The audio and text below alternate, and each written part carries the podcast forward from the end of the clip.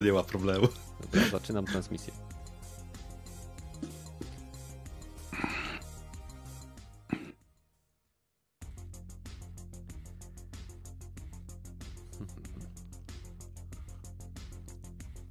No ale chyba nieźle się zebraliśmy, że tak, ym, że tak powiem, tuż przed Nowym Rokiem, nie? No, No, no, nie? Żaden inny podcast tak nie zrobił. Są cwaniaki, którzy dopiero w przyszłym roku robią grę roku 2021. A to tak na wszelki wypadek, No. żeby wiesz, żeby na, na, na sam koniec coś się nie wcisnęło. No A. właśnie zdradziłeś mój, mój plan niejako. Ja tam głównie dlatego, że dopiero teraz mam czas, żeby odpierdolić niektóre gry, nie? Tak jak mówiłem wcześniej. Mm, To też prawda. No dobra, okej. E, Więc, y, żeby tradycji stało się zadość, witam wszystkich na 163 epizodzie Dropin Podcastu, który nie odbył się w niedzielę, ponieważ były święta. I nawet takie y, no-life jak my od czasu do czasu spędzają czas z bliskimi. Więc e, dzisiaj, tuż przed Sylwestrem, przed Nowym Rokiem, e, mamy e, Gragiego, Kiwaku i Rogatego. Siema panowie. Dobry wieczór. Siema. Nie słyszałem cię, Rogaty? Eee... Zapomniał się chłopak. Siema. No, no jest. Hej, hej. Nagłówki, rogaty pluje na fanów, nie wita się na początku Nie, podcastu. nie, nie, po prostu odsłuchiwałem to, co leci na, na YouTubie i dwa głosy słyszałem a, naraz, I nie? co, słuchać nas, słuchać. Tak, tak. Dobra. Więc e, pamiętajcie, że jeżeli podcast Wam się podoba i lubicie nas słuchać, to znajdziecie nas na Spotify, na Patronite Audio i na Castboxie. E, pamiętajcie, że możecie nas wspierać poprzez dodanie łapki w górę, dodanie do subskrybowanych y, nas na Spotify, na Castboxie czy na YouTubie.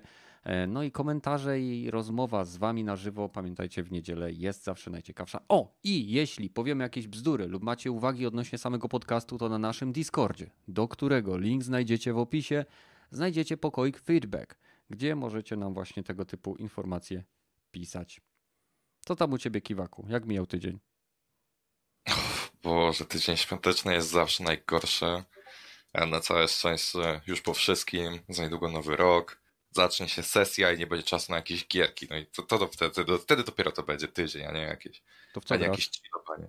A w, szczerze, w tym tygodniu, w tym tygodniu to ja byłem cholernie produktywny. W sensie trzy tytuły skończyłem, które miałem na swojej kupce wstydu od wielu, e, wielu lat. W sensie, no, może nie wszystkie, bo Streets of Rage 4 wyszło chyba rok temu, albo dwa lata temu, nie pamiętam, ale No to rok temu, rok temu. Rok temu, no, no, to, no to, to jest najświeższy tytuł, który ograłem na przykład między innymi w ciągu ostatnich kilku dni. Została mi w sumie tylko ostatnia misja, więc tam zawsze na propsie. Ja Mhm. jakimś ogromnym fanem beatemapów może nie jestem, bo w sumie moje jedne doświadczenia z gatunkiem to było właśnie Streets of Rage 2, e, Scott Pilgrim i e, jak się nazywa ta gierka? Versus the World.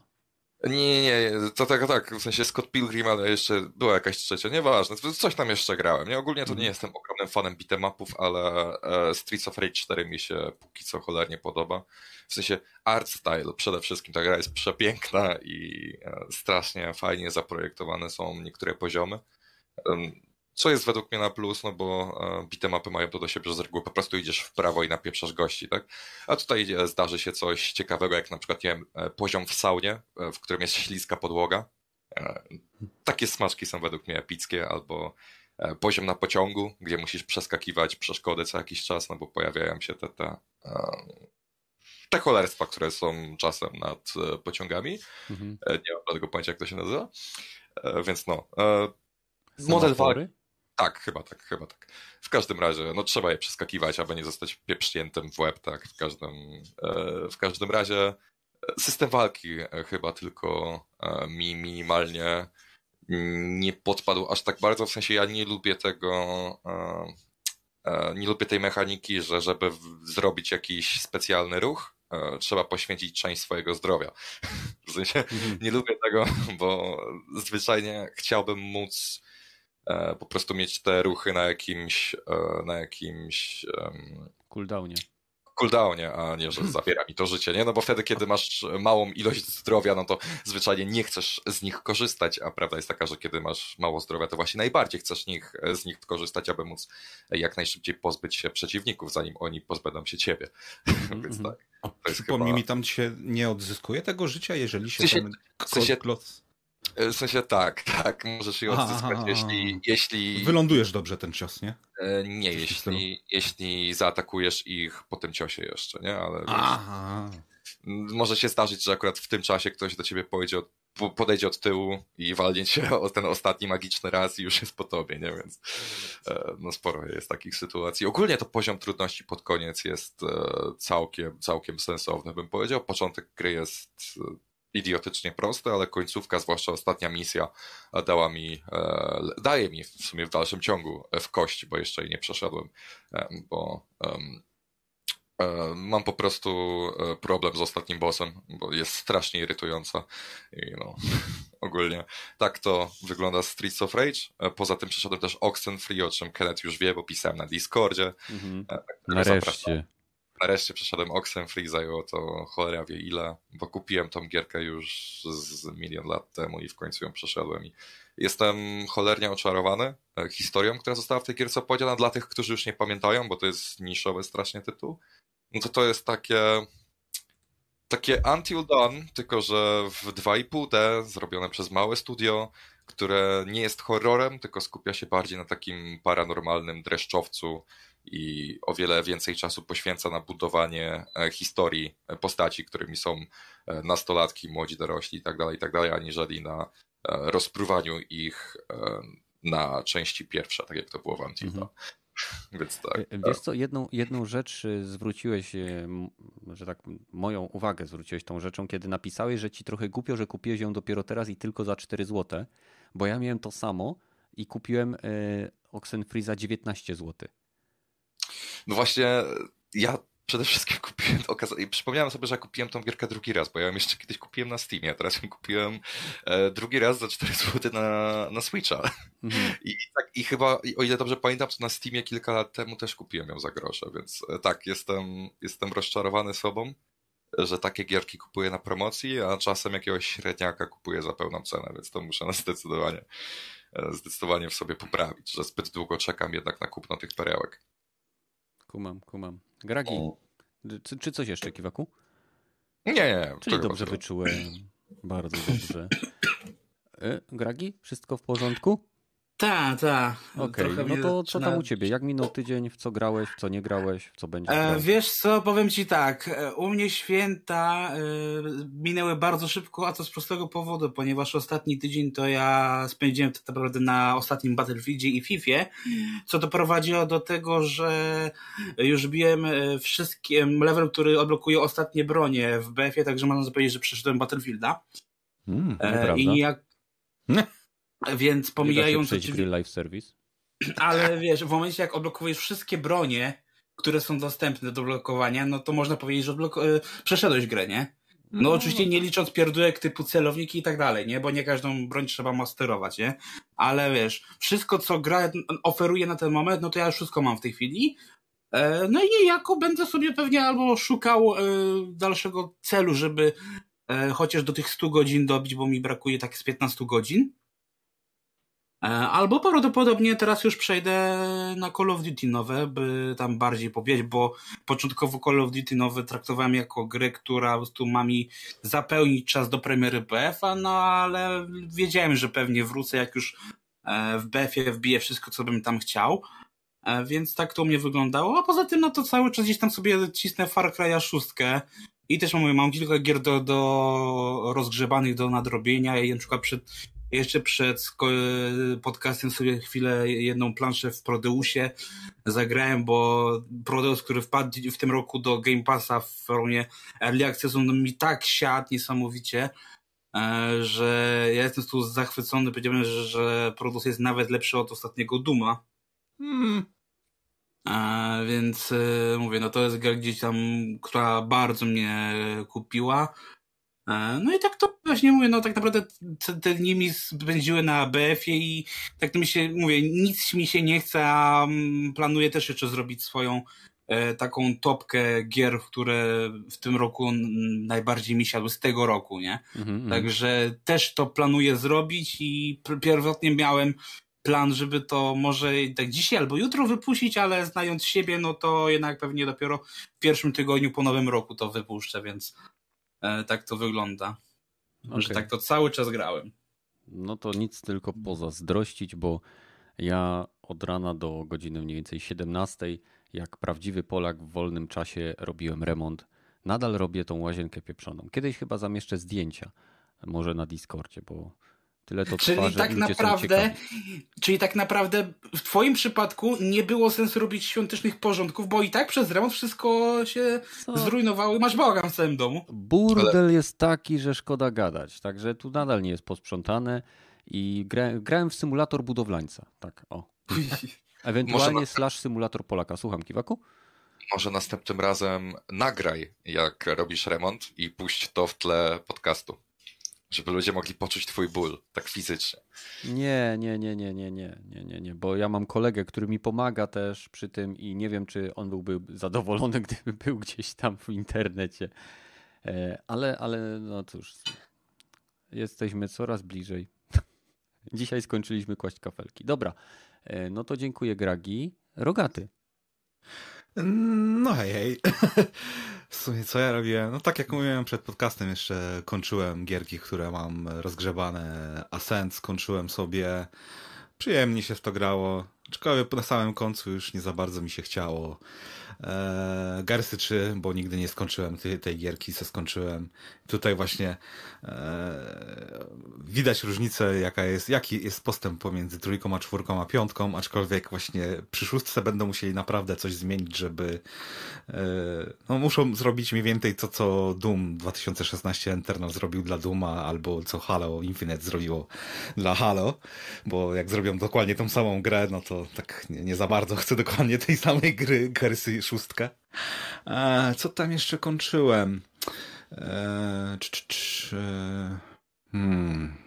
Jeszcze coś grałem na pewno, ale już chyba e, muszę zobaczyć na Steama momencik. Ori, o, mm, Ori and the Blind Forest Definitive Edition muszę dokończyć, bo jest rozgrzebane i już mi się też zdarzyło trafić w miejsce, że Deadloopa trafiłem takiego, że myślałem, że będę musiał zaczynać od nowa, ale udało się trochę pouszukiwać i przejść ten fatalny moment. Eee, nie wiem, jeszcze takie jakieś popierdółki ze Steama grałem, jakąś nową grę od tych Genshin Impact, to znaczy nie wiem, czy to jest nowa gra, ale o, fajny trailer, podoba mi się stylistyka anime as fuck z robotami, no dobra, ściągnę, ściągnąłem, okazało się, że to gra na komórki z interfejsem ster sterowania jak z komórek, dosłownie można widać na, na, widać na ekranie, jest WASD, ale widać, że no, pod kciuki przygotowana gra i po ściąganiu 8 giga, po zagraniu 5 minut skasowałem mnie wkurwiło. Nie, no, jeszcze parę, parę gierek e, z Game Passa tam e, odpalałem. E, tuż przed podcastem pozdrawiam Garota i Pepesza grałem sobie w World War 3, bo akurat Garot se kupił i Pepesz też mieli w trójkę zagrać. Chcieliśmy zagrać, udało się jeden mecz zagrać. Bo no to będziemy mogli w czwórkę pograć, bo ja też mam w W3, tak no to spoko, chcieli, spoko. to wiesz. No, bo Sorry, ale mi się bardziej to podoba niż Battlefield. Mi też się W3 przynajmniej pod względem kustomizacji broni i całego setupu y, przypomina mi po prostu Battlefielda. W sensie tego dobrego Battlefielda. Tak. O, je, jeszcze chciałbym powiedzieć, wejdę ci w słowo zanim oddam głos. Jeśli chodzi o Battlefielda, ja nie rozumiem, czemu oni po prostu nie robią tak jak Call of Duty, czyli robią, mają schemat, który działa i dodają tam nowe rzeczy. A oni za no właśnie, razem... oni chcą się tym odróżnić właśnie, że wiesz, e, ludzie narzekają, że kod e, właśnie cały czas robi to samo, więc BF chce robić inaczej i cały czas chce ulepszać tę formułę, cały czas Ale chcą stawiać, wiesz... Form... O nie, oni, oni zachowują się jakby chcieli na nowo wymyśleć formułę. No, dlatego tak, tak to jest, wiesz, nie, że mówię, tak jak tutaj masz, że wiesz, jedni chcą, stukują żelazo, póki jeszcze jest gorące, a ci to cały czas stawiają wszystko na głowie, nie? Dopóki nie powiedzą, dobra, wróćcie do tego, co było, nie? E, no wiesz co, zgodziłbym się z tobą, gdyby dla mnie przynajmniej tak jej nie robiło w chuja ludzi, bo po pierwszym trailerze okej, okay, okej, okay, wracamy do klasyki moim zdaniem. Drugi trailer i e, to tak, no, okej. Okay. Dobra, rozumiem, ma być szalone, ale nie, nie, nie za bardzo to już te moje klima i finałowy trailer premierowy. Nie, już zupełnie nie ma żadnego tutaj Battlefielda, to jest Fortnite tylko ze skinami woj, wojskowymi. Niektórym się to, mi się przynajmniej to bardzo nie podoba, że właśnie z militarnego shootera zrobili taki free to play praktycznie za 200 Free to play za 270 zł. No, dokładnie, dokładnie. Nie? Już jest na promce. No, już, już jest na promce. I to no. na takich potężnych, że na przykład na takim Epiku, gdzie możecie sobie cztery dychy jeszcze zaoszczędzić dodatkowo, można BFA wyrwać za 120 zł, także jak no. Y, gdzieś tam Epika nie jestem wielkim fanem, bo mam Steama, więc po co mi kolejna platforma? No tak muszę przyznać, że Epic tutaj zrobił fajny ukłon, nie? że można tego BFA sobie wyrwać za fajnej cenie. Tak, tylko że przypuszczam, że tą grę za rok będą rozdawać za darmo. Mm, więc... Mm, I wtedy będzie. pewnie do tego EA Playa darmowego. Do, dokładnie, nie? No mm. więc i wtedy już będzie więcej kontentu, więcej e, poprawek -hmm. i wtedy będzie można oceniać tą grę jako wydaną. Niestety to, to po, powtarza się to u jej.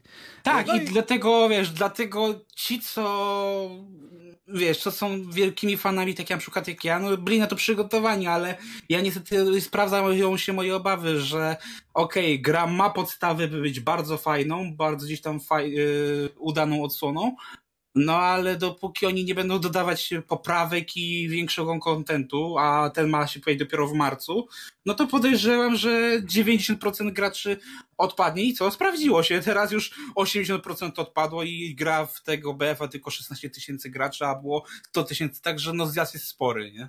No, trochę szkoda, bo szkoda. naprawdę mi się wydaje, że oni wiedzieli, co zrobić, żeby ta gra była dobra i zrobili wszystko na przekór, żeby nie była dobra.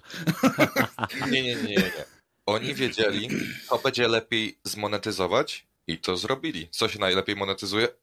Specjaliści ściągnięci z Apexa. Ale w no. akurat nie są pomysłem, to akurat nie jest zły Ale pomysł. wykonanie jest chujowe. Sorry, ale wykonanie tych specjalistów jest chujowe. Jakby były być trochę lepsze. Dwie ale... różne strony tych specjalistów, żebyś nie strzelał sam do siebie non-stop, albo na zakończeniu Dlatego meczu widział non-stop. Skórek, żebyś mógł je ukastomizować tak, że na przykład e, zobacz, na pierwszym trailerze pokazali te skórki, które przypominają te, wiesz, e, wyglądy z BFA trójki i masz te skiny tak naprawdę na większości tych postaci, nie? Ale wiesz co, no. nie o to chodzi. Rogatemu chodzi o to, że E, masz specjalistów i każdy specjalista ma jeden model, a masz dwie strony konfliktu.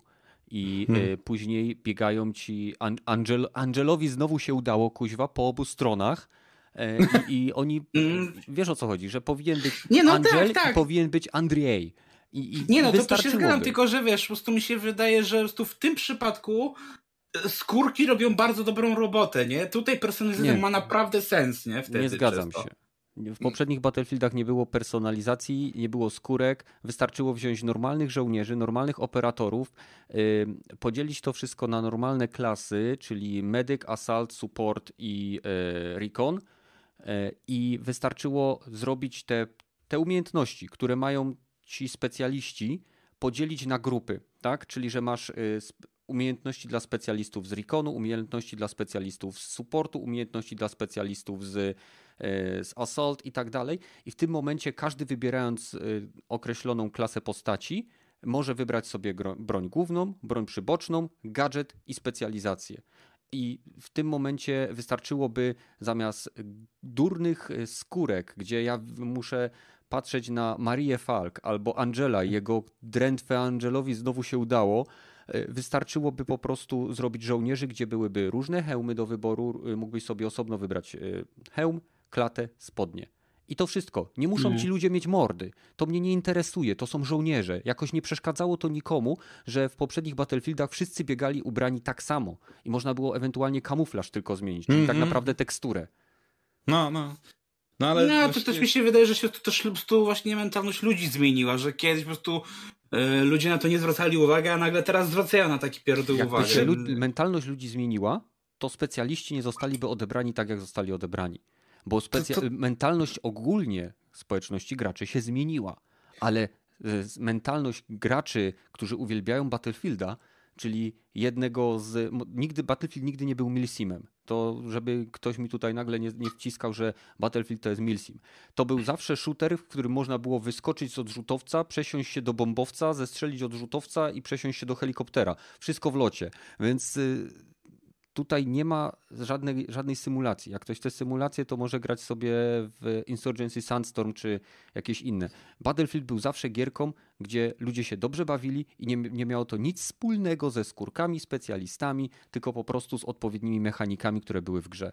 I tutaj nagle y, cofnęli zniszczenie, cofnęli y, system progresji, zamiast tak naprawdę zostawić to, co było w trójce i czwórce, poprawić system zniszczeń, z, polepszyć. Yy, zresztą, słuchajcie, to jest temat rzeka.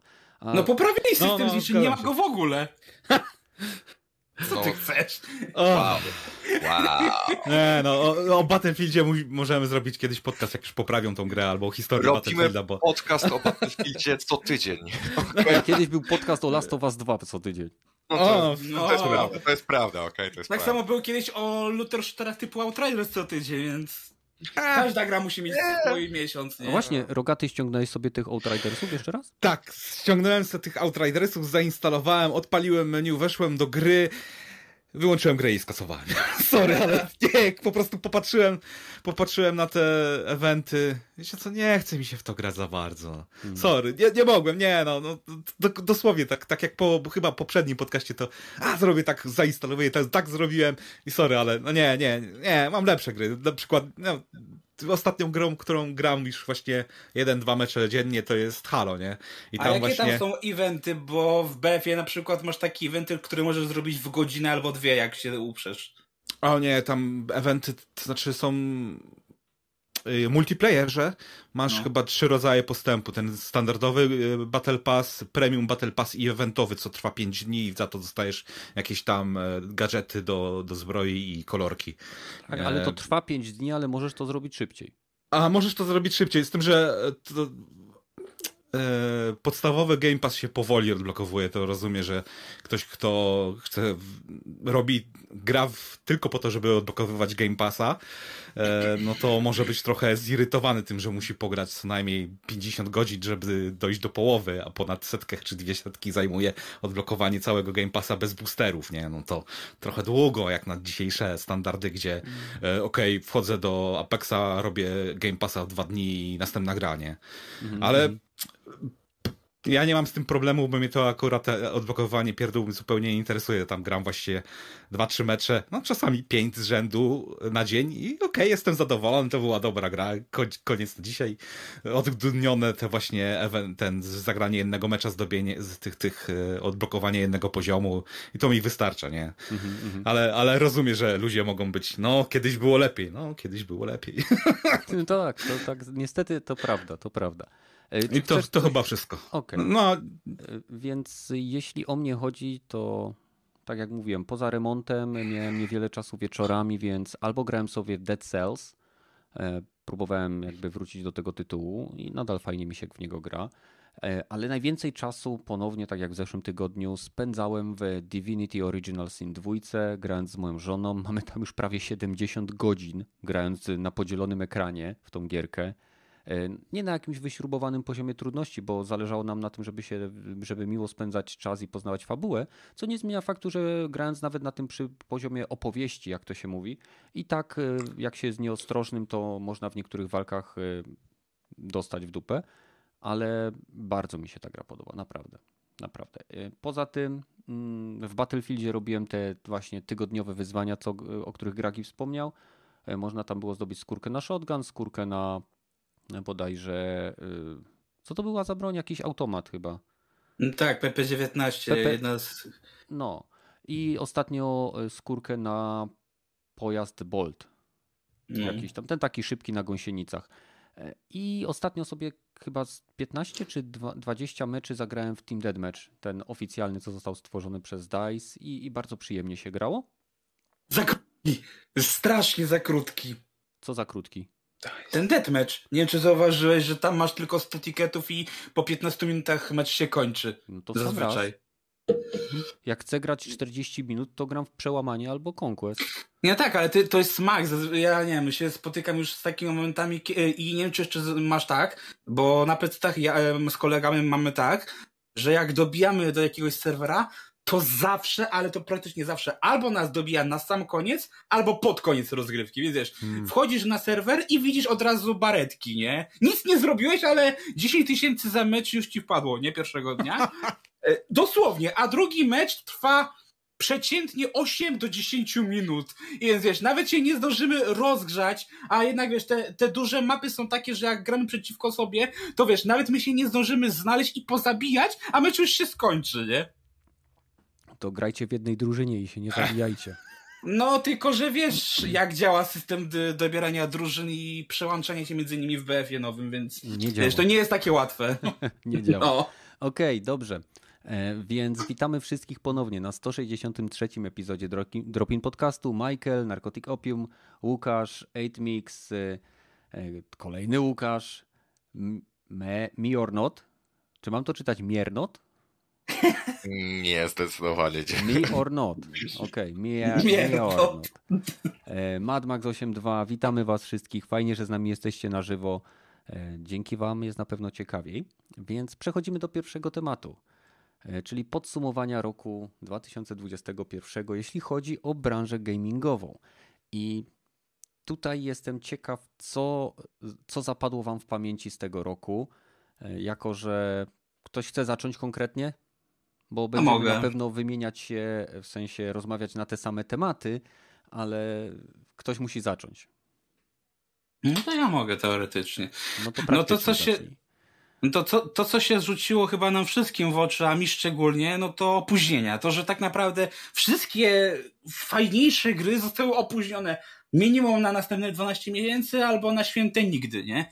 I, i, i to, to, co się z tym charakteryzuje, że to jest właśnie rok opóźnień, rok tego, że nie było za dużo gier AAA i tak naprawdę to był rok, gdzie yy, można powiedzieć, że to był rok gier kooperacyjnych i takich gier mniejszych. Nie? Mówię, to, to mi się strasznie rzuciło w oczy, poza oczywiście tymi wszystkimi e, aferami, które, które były gdzieś tam w międzyczasie, których nawet już nie zliczę, ile ich było. E, Podaj Zwłaszcza... przykłady, co było opóźnione, bo akurat nie mogę sobie przypomnieć, co tam. Eee, Horizon Hogwarts... na pewno. No Horizon, God of War, Hogwarts hmm. Legacy, na dzień dobry przecież jak tylko się rok zaczął, to już powiedzieli 2022, do widzenia, nie, nie czekajcie na nas. Eee, Gollum, BF, ale BF tylko miesiąc, a mi chodzi o takie gry, które wyleciały kompletnie. Najpierw nie? chyba Aha. było pół roku opóźnione, a później jeszcze o kolejny miesiąc. No, dlatego mówię, to, no, to, to, to, mówię, to jest rok opóźnień tak naprawdę, opóźniony rok w rozwoju. Eee, no ale jeżeli już były, no to te gry potrafiły czasami zaskoczyć, jak na przykład Strażnicy z Galaktyki. E, no to, to, to jest dla mnie chyba największe zaskoczenie tego roku totalnie. Mhm. Mm, także no mówię, no, to co się zapamięta, no to że właśnie, że te gry jak już nawet wychodziły, te większe, no to zazwyczaj były w takim stanie, że chyba lepiej, żeby nie wyszły, więc Cyberpunk jednak nie uczy deweloperów. Okej, okay, no. a jak, jak ty, Kiwaku, widzisz te opóźnienia? Czy to było coś, co jakby cechuje ten rok? Zapamiętamy go ze względu na opóźnienia? Mm, nie, ten rok zdecydowanie zostanie zapamiętany przede wszystkim z tego powodu, że każda najbardziej wyczekiwana gra e, legła w gruzach e, pod wpływem glitchy, kiepskiej optymalizacji, kiepskich decyzji projektowych i tak dalej, i tak. Tak było z remasterami GTA. To był prawdopodobnie najbardziej wyczekiwany projekt, jaki w ogóle miał premierę w tym roku. No i został spartolony. Nawet bardziej niż Diablo 2 Resurrected. Hmm. Który został spartolony od góry do dołu, pod praktycznie każdym względem, no bo te remastery są gorsze od oryginałów i będą pewnie jeszcze łatane przez następny rok, zakładając, że Rockstar tego nie porzuci i nie zamiecie pod dywan. Battlefield, chyba najbardziej nahypowana gra wysokobudżetowa tego roku z takich nowych tytułów, które nie są remasterami. No i boom, w sensie mnóstwo nietrafionych decyzji projektowych, które fani opluwają pokroju ogromne puste mapy, które męczą, jeśli chodzi o podróżowanie z jednego punktu do drugiego punktu. Um, niektórzy uważają, że 128 graczy to jest za mało jak na tak duże mapy, niektórzy mówią, że 128 graczy to jest za dużo. Za dużo, tym bardziej, że optymalizacja przez to też leży i kwiczy. No właśnie, y, specjaliści, o nich zostało powiedziane już chyba wszystko. Y, inni mówią, że porzucenie kampanii na rzecz tego trybu, którego nikt już nazwy nie pamięta, było nietrafione, no bo ten tryb okazał się chujowy i nikt w niego nie gra. Ja nawet nie zdążyłem w niego zagrać. No właśnie, no Ja właśnie. zagrałem dwa razy. No właśnie. Um, nie wiem, Deathloop, w sensie to nie była jakaś mega oczekiwana gierka, ale ona też miała problemy z optymi, optymalizacją. Ale na PC, tylko na tak. PC-cie. A no, ale ty- no, ale wciąż miała problemy z optymalizacją. E, ogólnie większość gierek AAA chyba poza Resident Evil Village miała jakieś tam problemy, nie? Więc z tego tytułu raczej rok Village został. też miał na problemy na PC. A tak, Denuvo, Denuvo, no, No, tak no. Mhm, tym. No, mhm. to, to też, no, w sensie każdy tytuł coś. Nie przypominam sobie żadnej wysokobudżetowej gierki, z którą nie byłoby coś nie tak. Metroid Dread. No, w sensie Tam to też jest były problemy z optymalizacją. Ta gra działała na Switchu, z tego co pamiętam. Barely, barely. 20-30 FPS-ów, z tego co widziałem. Nie. Nie, Nie zauważyłem. Nie. zauważyłem. No, okej, okej. Ja powiem ci kupiłem tak. kilka dni po premierze, I więc. Zga- 60 okej, okej. FPS-ów tam jest przecież. No okej, ale e, ta gra działa lepiej na PC. Akurat w tym przypadku. Na emulatorze. Wow. Tak, Wow. no, tak. Okej, Wow. Arno, Papik, witamy. Em, W Rogaty, sensie, no, nie dziwi mnie to, w sensie PC to jest sprzęt ciupkę mocniejszy niż konsola o mocy Xboxa 360, nie? Więc no, przenośna. Dodajmy do tego, że przenośna to No, jest nie lada osiągnięcie. przenośna konsola o mocy, tak. Okej. Rogaty, a czy ty się w takim razie y, bardziej zgadzasz z Gragim, że rok będzie jakby, jakby sygnowany przez opóźnienia, czy przez Kiwaku, że będzie sygnowany przez wpadki gier premierowych?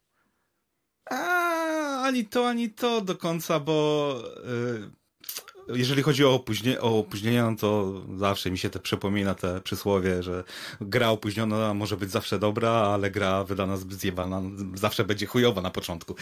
E, To, są, to jest Parafrazuję. cytat y, jednego z przedstawicieli Nintendo. Parafrazuję.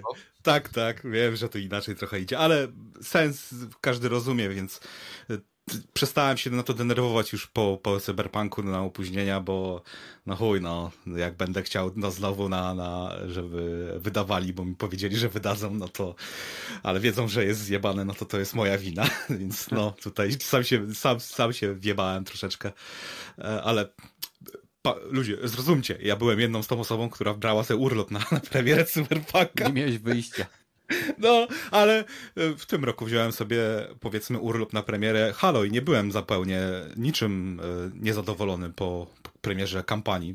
Przed premierą ta beta multiplayer z tymi chujowymi playlistami była dosyć irytująca, ale skończyłem kampanię i się, o, wchodzę na multiplayer już są playlisty, które mi się podobają. Ja Prawie zawsze gram we Fiestę dwa mecze i prawie zawsze gram e, w Slayera albo e, w tego te, free. E, Więc dla mnie jest już ok. Nie mam problemu z tym żadnego. Jeszcze nie cały tydzień chyba po premierze weszły te zmiany, więc po, po, dosyć szybko to zmienili. Z rzeczy, nie, no mi się ze śmiesznych, takich ironicznych bardziej rzeczy ten rok e, mnie rozwaliło z tym e, World of Tanks, dobrze mówię, tam gdzie gościu stwierdził, że Challenger 2 nie jest zbyt e, dokładnie odzorowany w grze i pokazał e, tajne dokumenty w tej sprawie. A to w ogóle To- nie to- wiem, przepraszam, że się wcinam, ale nie wiem, czy wiesz, ale później był jeszcze, nie wiem, miesiąc czy dwa miesiące później jakiś inny gość zrobił No, dokładnie no, to no. samo. No, no, to, to, to nie pierwszy raz i chyba pewnie nie ostatni, ale Jesus kraj, ludzie, do, tajne dokumenty za to można do pierdla trafić na e, ponoć nawet do 14 lat, nie? Można za to, bo to zdrada stanu, udostępnianie tajnych dokumentów wojskowych jest, ja pierdolę, weźcie, myślcie nad tym, co robicie. To mnie, to, to, to mnie z takich śmiech, śmiechowatych rzeczy w tym roku rozjebało. Nie, no, mi bardziej e, takie niewypały remasterów, takie jedzenie własnego okona. Zarówno mi się nie grałem, ale e, widać, że to był jednak trochę skok na kasę remaster Mass Effecta, zrobiony trochę z tego, co słyszałem. To jest nadal dobra gra, tylko remaster zrobiony taki, no okej, No, jak minimum wysiłku, najwięcej kasy. Znaczy wiesz co, Nadal dobra niektóre gra, nie? lokacje zostały przebudowane geometrycznie, więc to No, jest no, różnica nawet postarali względem się. wersji PC-owej.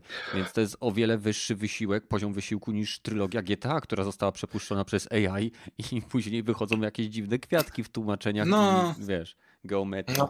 Ale, ale No właśnie... ale Przed, GTA robiło kilkanaście osób, nie? Więc ja się nie dziwię, że oni korzystali z AI, bo pewnie, pewnie zwyczajnie mieli wystarczająco czasu. Tak, i dużo, dużo, dużo osób y, korzysta z AI, żeby po, polepszyć tekstury. Zazwyczaj są to moderzy, no ale e, wersje są też dobre takich gier, gdzie, no nie wiem, Quake'a grałem bardzo dużo i tam też dokładnie były zarówno modele trochę podciągnięte, cały silnik przepisany tak, żeby mógł e, lepiej i szybciej działać na nowoczesnych komputerach i na konsolach. E, Nadal update'ują to, nadal można e, dodatkowe mody ściągnąć e, praktycznie klik, dwoma kliknięciami bez problemu ale te, te fatalne remake'i jak Diablo, czy właśnie GTA, czy właśnie trochę Ma- Mass Effect na odjeba zrobione, to mi się bardziej e, zapadło w pamięć w tym roku. Jesus, nie ma żadnej nowej, żadnego nowego pomysłu, tylko musimy robić tylko remake'i, remastery i rebooty. No to, to, to, to samo miałem Wiesz właśnie, czemu? nie to, że Bo No, kiedyś to się- było lepiej. Ale to samo miałem po, po obejrzeniu ostatniego Matrixa, czwórki, że po co ten film został zrobiony, to ja nie wiem. Zresztą chyba... Pieniądze. E, tak, to, to podstawa i to to... E, sami zjadają... I wiesz, w przypadku Matrixa, okej, 20 lat minęło i okej, skok na kasę, nie ma problemu. A tutaj mamy gry, które mają remastera nawet nie po całych 10 latach i tak szybko e, w AAA brakuje nowych pomysłów, czy po prostu robimy tak bezpiecznie te wszystkie gry, żeby okej, może jak się komuś to nie spodoba, no to lepiej zróbmy tak, jak kiedyś było, albo w najlepszym wypadku zróbmy tak, żeby można było to łatwo sprzedać. E, I to mnie najbardziej irytowało chyba w 2021. Czyli zobaczcie, trzy osoby, trzy różne spojrzenia, a ja mam jeszcze inne i czwarte. Bo Dawaj, dawaj. nikt z was nawet nie wspomniał o tym, że w zasadzie każdy wydawca, każdy duży wydawca, czy to będzie EA, e, czy to będzie e, Ubisoft, czy to będzie Activision, e, miał jakąś wielką, gigantyczną sprawę związaną ze skandalem w sam no tak. wewnątrzfirmowym. No miał, ale to się nie wiąże No. z grami, dlatego chyba nie Co? każdy o tym wspomniał, Znaczy- nie? To jest cholernie blisko związane z grami. To, To tak spływa po mnie już jak po kaczce, więc no. No, po mnie też, dlatego ja wiesz, dopóki, nie wiem, tak jak o, powiedzmy, że BF na tym ucierpiał, no to okej, nie? Że jeżeli widzę te sytuacje takie jak w- przy BF-ie, to okej, ma to związek z grami, a to, to już mówiłem kilka razy, że wiesz, to jest bardziej taka zakulis branży niż e, stricte w grach, nie? Czyli Kulisy- pozytywne rzeczy z zakulis z branży są ok, jak y, wypowiadają się ludzie, jak to zajebiście muzykę się tworzy i jak to y, zamienił na przykład w przypadku Overwatcha odgłos otwieranego piwa w potwierdzenie trafienia przeciwnika, tak? To jest ok, ale jak... Kostka bardziej niż e, coś takiego, wiesz. Mhm. Łe, no, nie skupiajmy się na samych negatywnych rzeczach. E, No to kurczę, nie wiem, nie wiem, jak czat sądzi, y, co zostanie y, jakby, jeśli chodzi o gamingówkę e, w roku Wiesz- 2021. Jak, jak mamy mówić jeszcze o, o, około gamingowej, no to nie wiem. Mi się bardzo mnie rozjebało troszeczkę postępowanie Twitcha, jak zaczęły się pojawiać e, e, MSRR streamy z, z półnagimi laskami. To w tym roku chyba się zrobił. A, to hot taki, tub że- streamer. Hot Tub Streamery, no. Platforma dla graczy od graczy i większość już nie ma żadnego ukrycia, że nie, tutaj są półnagie laski. No, Okej, jak zarabiają w ten sposób, nie bronię, ale wiecie, tak Raz- trochę to śmieszne jest. Raz na Discord, nawet jakby pamiętam, byłem w obi i szukałem jakichś rzeczy już wtedy do remontu. E, To pamiętam, że wysyłałem zdjęcie, że kupuję sobie właśnie takie jacuzzi do ogrodu. No, no nic. to- Mam nadzieję, że będziemy pamiętali ten rok też z, za dobre rzeczy. Czy są jakieś właśnie takie rzeczy, e, które zapadły Wam pozytywnie w pamięci? Jakieś tytuły, jakieś wydarzenia, nie wiem, coś, coś takiego, gdzie myślicie, kurczę, no akurat fajnie, że to się wydarzyło w tym konkretnym roku, lub fajnie, że ta gra wyszła, fajnie, że im się udało. E, Czy, czy są takie tytuły? Bo dla mnie osobiście jednym, jednym z takich tytułów y, był Splitgate. Wiem, że to jest gra, która miała dużo wcześniej premierę jakby na w Early Accessie, na PC i w tym roku miała premierę, dobrze mówię, w tym roku, tak? Tak, w tym roku. W tym roku miała premierę na, na konsolach, ale dla mnie to, jest, to był pierwszy taki promyczek nadziei do, od, do wskrzeszenia popularności arena shooterów. Drugim takim kamieniem milowym, jeśli chodzi o przywrócenie arena shooterów, jest dla mnie właśnie Halo Infinite. I mm, tak jak powiedzieli deweloperzy Splitgate, wydaje mi się, że zarówno Splitgate, jak i Halo Infinite mogą się wzajemnie od siebie bardzo wiele nauczyć po to, aby przywrócić właśnie arena shootery. Więc y, to, to było coś dla mnie takiego. Czy mieliście jakieś takie gry lub wydarzenia, które pozytywnie dla Was zaznaczyły rok 221? No to chyba Strażnicy Galaktyki znowu. Mhm. Chyba gra, do której nikt nie spodziewał się niczego dobrego, a okazała się jedną z lepszych gier w tym roku. Ja się spodziewałem sporo dobrego, wypraszam sobie. Znaczy studio jest dosyć dobre i oni zawsze solidne giery robili, może nie wybitne, ale solidne moim zdaniem. No tak, ale chodzi o to, że po tym jak była kaszana z Avengersami w zeszłym no, roku. No, true, true. No to wiesz, to każdy liczył się, że będzie mieli powtórkę z rozrywki, tylko że bez tego modułu multiplayer, nie? Mhm. I dlatego po tym kątem, że się każdy spodziewał, że to będzie po prostu e, lipa na, na licencji, a co się okazało bardzo fajna gra. Też można powiedzieć, że Ratchet i Returnal wyszły całkiem, całkiem spoko, mimo że Returnal to jednak jest gra bardzo niszowa i to się odbiło bardzo gdzieś tam na, na tych wynikach, nie? Ale też można powiedzieć, że to też jest takie zaskoczenie, że gra jest e, fajna i, i w, mia w miarę dobra, nie? E, to nie jest zaskoczenie. Housemark cały czas robi świetne gierki. Po prostu były jeszcze bardziej niszowe niż Returnal, więc... No, nie miałem mocy przebicia, jakim za, za, za ich plecami nic nie stało takiego wielkiego no, Sony. To prawda. No, sorry, ale współcześnie mało jakie gierki mają moc przebicia, jeśli nie mają sporej ilości gotówki płynących za sobą, nie? Większość Niby... tyków aktualnie wybija się dzięki temu, że ma wydawcę pokroju Devolver Digital no. albo Anapurny. Gdyby nie oni, no to spora część legendarnych już teraz indyków by no, nigdy nie wypłynęła na światło dzienne, no bo ludzie by zwyczajnie nie wiedzieli, że istnieją. Marketing. Ja mówię, to, to jest takie, wiesz, właśnie do tego jest taka niespodzianka, dlatego mówię, jeśli chodzi o takie największe zaskoczenie, to chyba ci strażnicy w tym roku najbardziej tak zaskoczyli najbardziej w branży. Mhm, mhm. No i Kena ewentualnie jeszcze, bo o, Kena też... Kena, jest... Kena jest zaskoczeniem, to na pewno, bo to jest debiutancki projekt. No, Kena to jest, no, giera też fantastyczna. Mhm. No. Me or Not mówi, że kiepska polityka Sony i świetna polityka Microsoftu.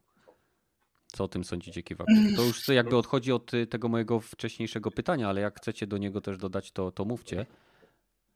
Mm, to jak dodać, no to ten rok na pewno z pozytywnych aspektów zostanie zapamiętany z powodu dużej ilości wielkich powrotów marek, które były popularne kilkanaście lat temu i teraz nagle dostały sequel. Na przykład e, Psychonauts dostało no tak. chyba po, po 15 latach, nie? No to to jest świetna wiadomość, no bo ludzie uwielbiali pierwszą odsłonę, no i teraz mogą się cieszyć sequelem, nie? Takim pełnoprawnym sequelem, który zaczyna się w momencie, kiedy kończy się jedynka, tam z uwzględnieniem chyba tej gierki VR, która wyszła po drodze, ale to nie wiem, bo ja nie grałem w żadną odsłonę.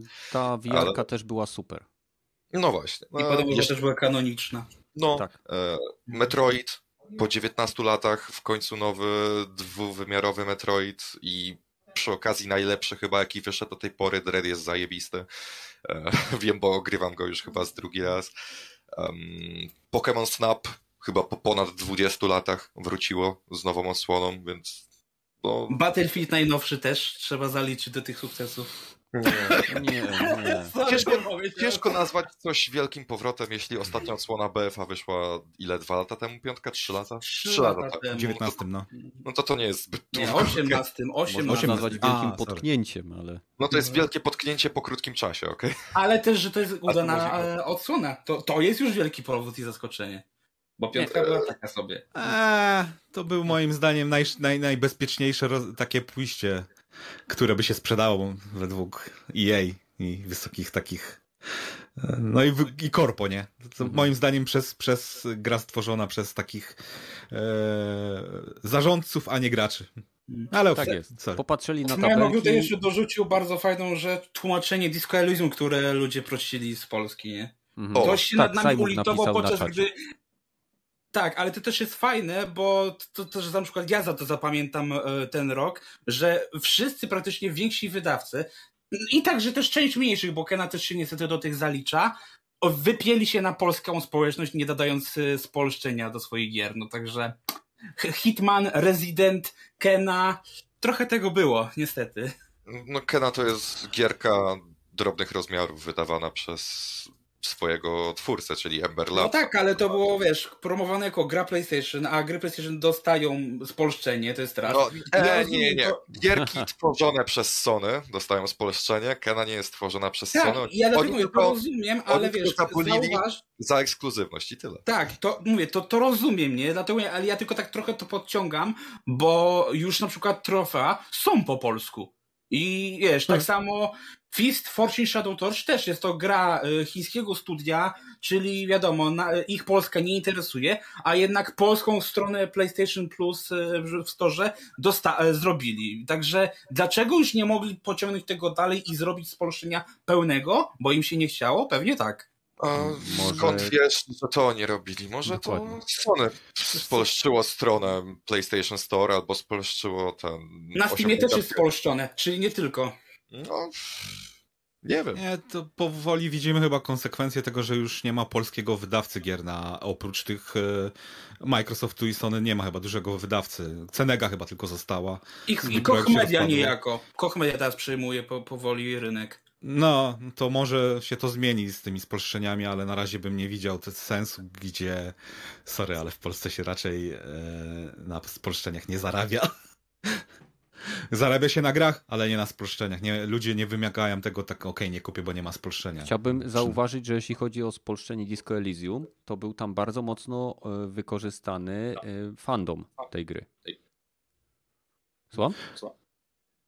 A, to A, nie u widziałem. Kiwako przebija. Myślałem, że coś No, to, to, tak też nie, nie wiem o co chodzi. E, 8mix pisze, że pozytywne było, że gracze wypieli się na NFT. Tak, no, też, też zgadzam się. Chociaż e, według e, Ubisoftu i niektórych innych NFT są już tu i zostaną. No i i patrząc na logikę naszego kolegi, którego dzisiaj nie ma, więc można go ugadywać. Pozdrawiam, Badyla. E, no to niektórzy nie mają z tym żadnego problemu. Tak kiedyś nikt nie miał problemu z tym z zbroją dla konia, no to teraz mamy Ze endgame taki, skrzynkami w że... PS-ie. No, z skrzynkami w CS-ie, no to teraz już nie ma problemu płacić 20 zł za kolor do, do, do, do zbroi. No. Znaczy, jeszcze, żeby to kosztowało te 20 zł, bo słyszałem, że... 20 dolarów, sorry. 20 No, dolarów. no, 20 no, zł to by bym. E, To okej. jeszcze byłoby to- okej. No. Ale co zrobisz? Korpo go na korpo. Zawsze znajdzie się jakiś nowy model monetyzacji. No Zawsze. ale to wiesz, e, z tych pozytywnych rzeczy, tak jak już mówiliście, to Age of Empires, tych, tych kontynuacji też O. po kilkunastu latach dostało. Dokładnie. E, Company of Heroes 3 w następnym roku ma wyjść, więc strategie zaczynają. O, jednak może nie powiem, że e, od, odżywają, czy renesans, bo już od 3 Ej, czy Homeworld 4 lat trójka. też ma w przyszłym roku fakt wyjść. No i zawsze jakaś tam e, e, zawsze jakaś tam strategia wychodzi. Humankind wyszło w tym roku zajebista strategia, też, też mi się niesamowicie podobało, więc jeżeli I tam jest masz jakiś. Tam nas No, no. E, No, no, dokładnie. Jeżeli masz jakiś swój ulubiony gatunek, to jak trochę poszukasz głębiej, nie będziesz się skupiać tylko na AAA-ach od EA, Activision, Blizzardu, e, no to, to znajdziesz coś dla siebie. No, Fakt faktem, że stare marki zazwyczaj wychodzą źle. W przypadku Age of Empires wyszło dobrze, ale jeszcze nie, po, po 6 godzinach stwierdziłem, że kurwa, będę musiał na to co najmniej ze 300 godzin poświęcić i nie mam na razie na to czasu. ale, ale jak chcesz, to coś dla, dla siebie znajdziesz, nie? Więc nie jest aż tak źle, że o Boże, nie ma żadnego AAA, więc nie mam w co grać. No i Indiki w tym roku też nie zawiodły moim zdaniem. Ten Medium mi się strasznie podobało z, z tych, co wyszło. E, Hades znowu podobność. Wyszedł w zeszłym roku, ale w tym roku też e, dzięki temu, że trafił do Game Passa zagrałem dopiero. No i na, I też wyszedł na, playaka. na Playa wyszedł i duż, dużo osób zaczęło w tym roku w to grać. Natomiast w Tetris Effecta między innymi. no, w Tetris Effecta zacząłem grać, to to prościutka gra z, z mechaniką sprzed 50 lat prawie i nadal cieszy jak chuj. No Tetris się nie starzeje, Tetris to jest y, ultimatywnie jedna z najlepszych gier ever, nie? Okej, to A. automatycznie, jak już mówimy o grach, które graliśmy w tym roku, Dobra, sami chcieliście. Przechodzimy do ulubionych gier, które graliśmy w 2021. Rogaty, zaczynaj. A, no tu pierwszą będzie dodatek drugi do Doom Eternal e, The Anti-Gods dwójka. W sumie jedynkę i dwójkę w tym roku dopiero grałem, jak wyszła dwójka, okej, okay, no, kupujemy i przechodzimy jedno za drugim. Mhm. I e, może powinienem zrobić to osobno, ale w sumie przeszłem to w trzy posiedzenia, bo jedno, jedynkę skończyłem w jednym posiedzeniu, dwójkę doszłem do samego końca do bossa i potem kończyłem go chyba Bite 45 minut z nim walczyłem, jak nie dłużej. I troszeczkę mnie to zirytowało. Bardzo byłem wkurwiony już na samym końcu. Ale dla mnie to jest ok, ten epilog taki zamykający całą historię Doomslayera, świata, że posprzątane wszystko jest, inwazja demonów zakończona. Mamy może nie happy end, ale przynajmniej takie kropka nad i, możemy zostawić to w spokoju na kilkanaście lat, moim zdaniem przynajmniej, albo na kilka lat, nie? Także gameplay właśnie, już wymagania tego gameplayu już było, pod, trzeba już umieć grać w tą grę, jeżeli chcesz grać w dodatki nie ma zmiłuj się, chociaż ludzie to przychodzą na, na padzie, na konsolach na najwyższym poziomie trudności, więc a no, może jestem cianki jak dupa węża i dlatego tak słabiutko mi z tym poszło. Mm, no. Zanim będziesz kontynuował, chciałem jeszcze e, tutaj jakby nakreślić, będziemy tutaj mówili o naszych ulubionych grach, które graliśmy w 2021 roku. To nie znaczy, że te gry wyszły w tym roku. To mogą być gry sprzed roku, sprzed dwóch lat, sprzed dziesięciu lat. Chodzi o to, że to były gry, w które, w które zagraliśmy i wyjątkowo nam się spodobały i chcemy wam je polecić. Kontynuuj. No, no to, to jest moja pierwsza giera. To może ktoś następny sobie rzuci. Okej, okay, to, to może skacz, skoczymy na samą górę. Gragi, chcesz? No mogę. No to wiesz. E, wiesz co, już mówiłem o tych Strażnikach Galaktyki i to jest, no mówię, to jest gra, którą tu mega polecam, e, ale już nie będę o niej mówił, bo ileż można.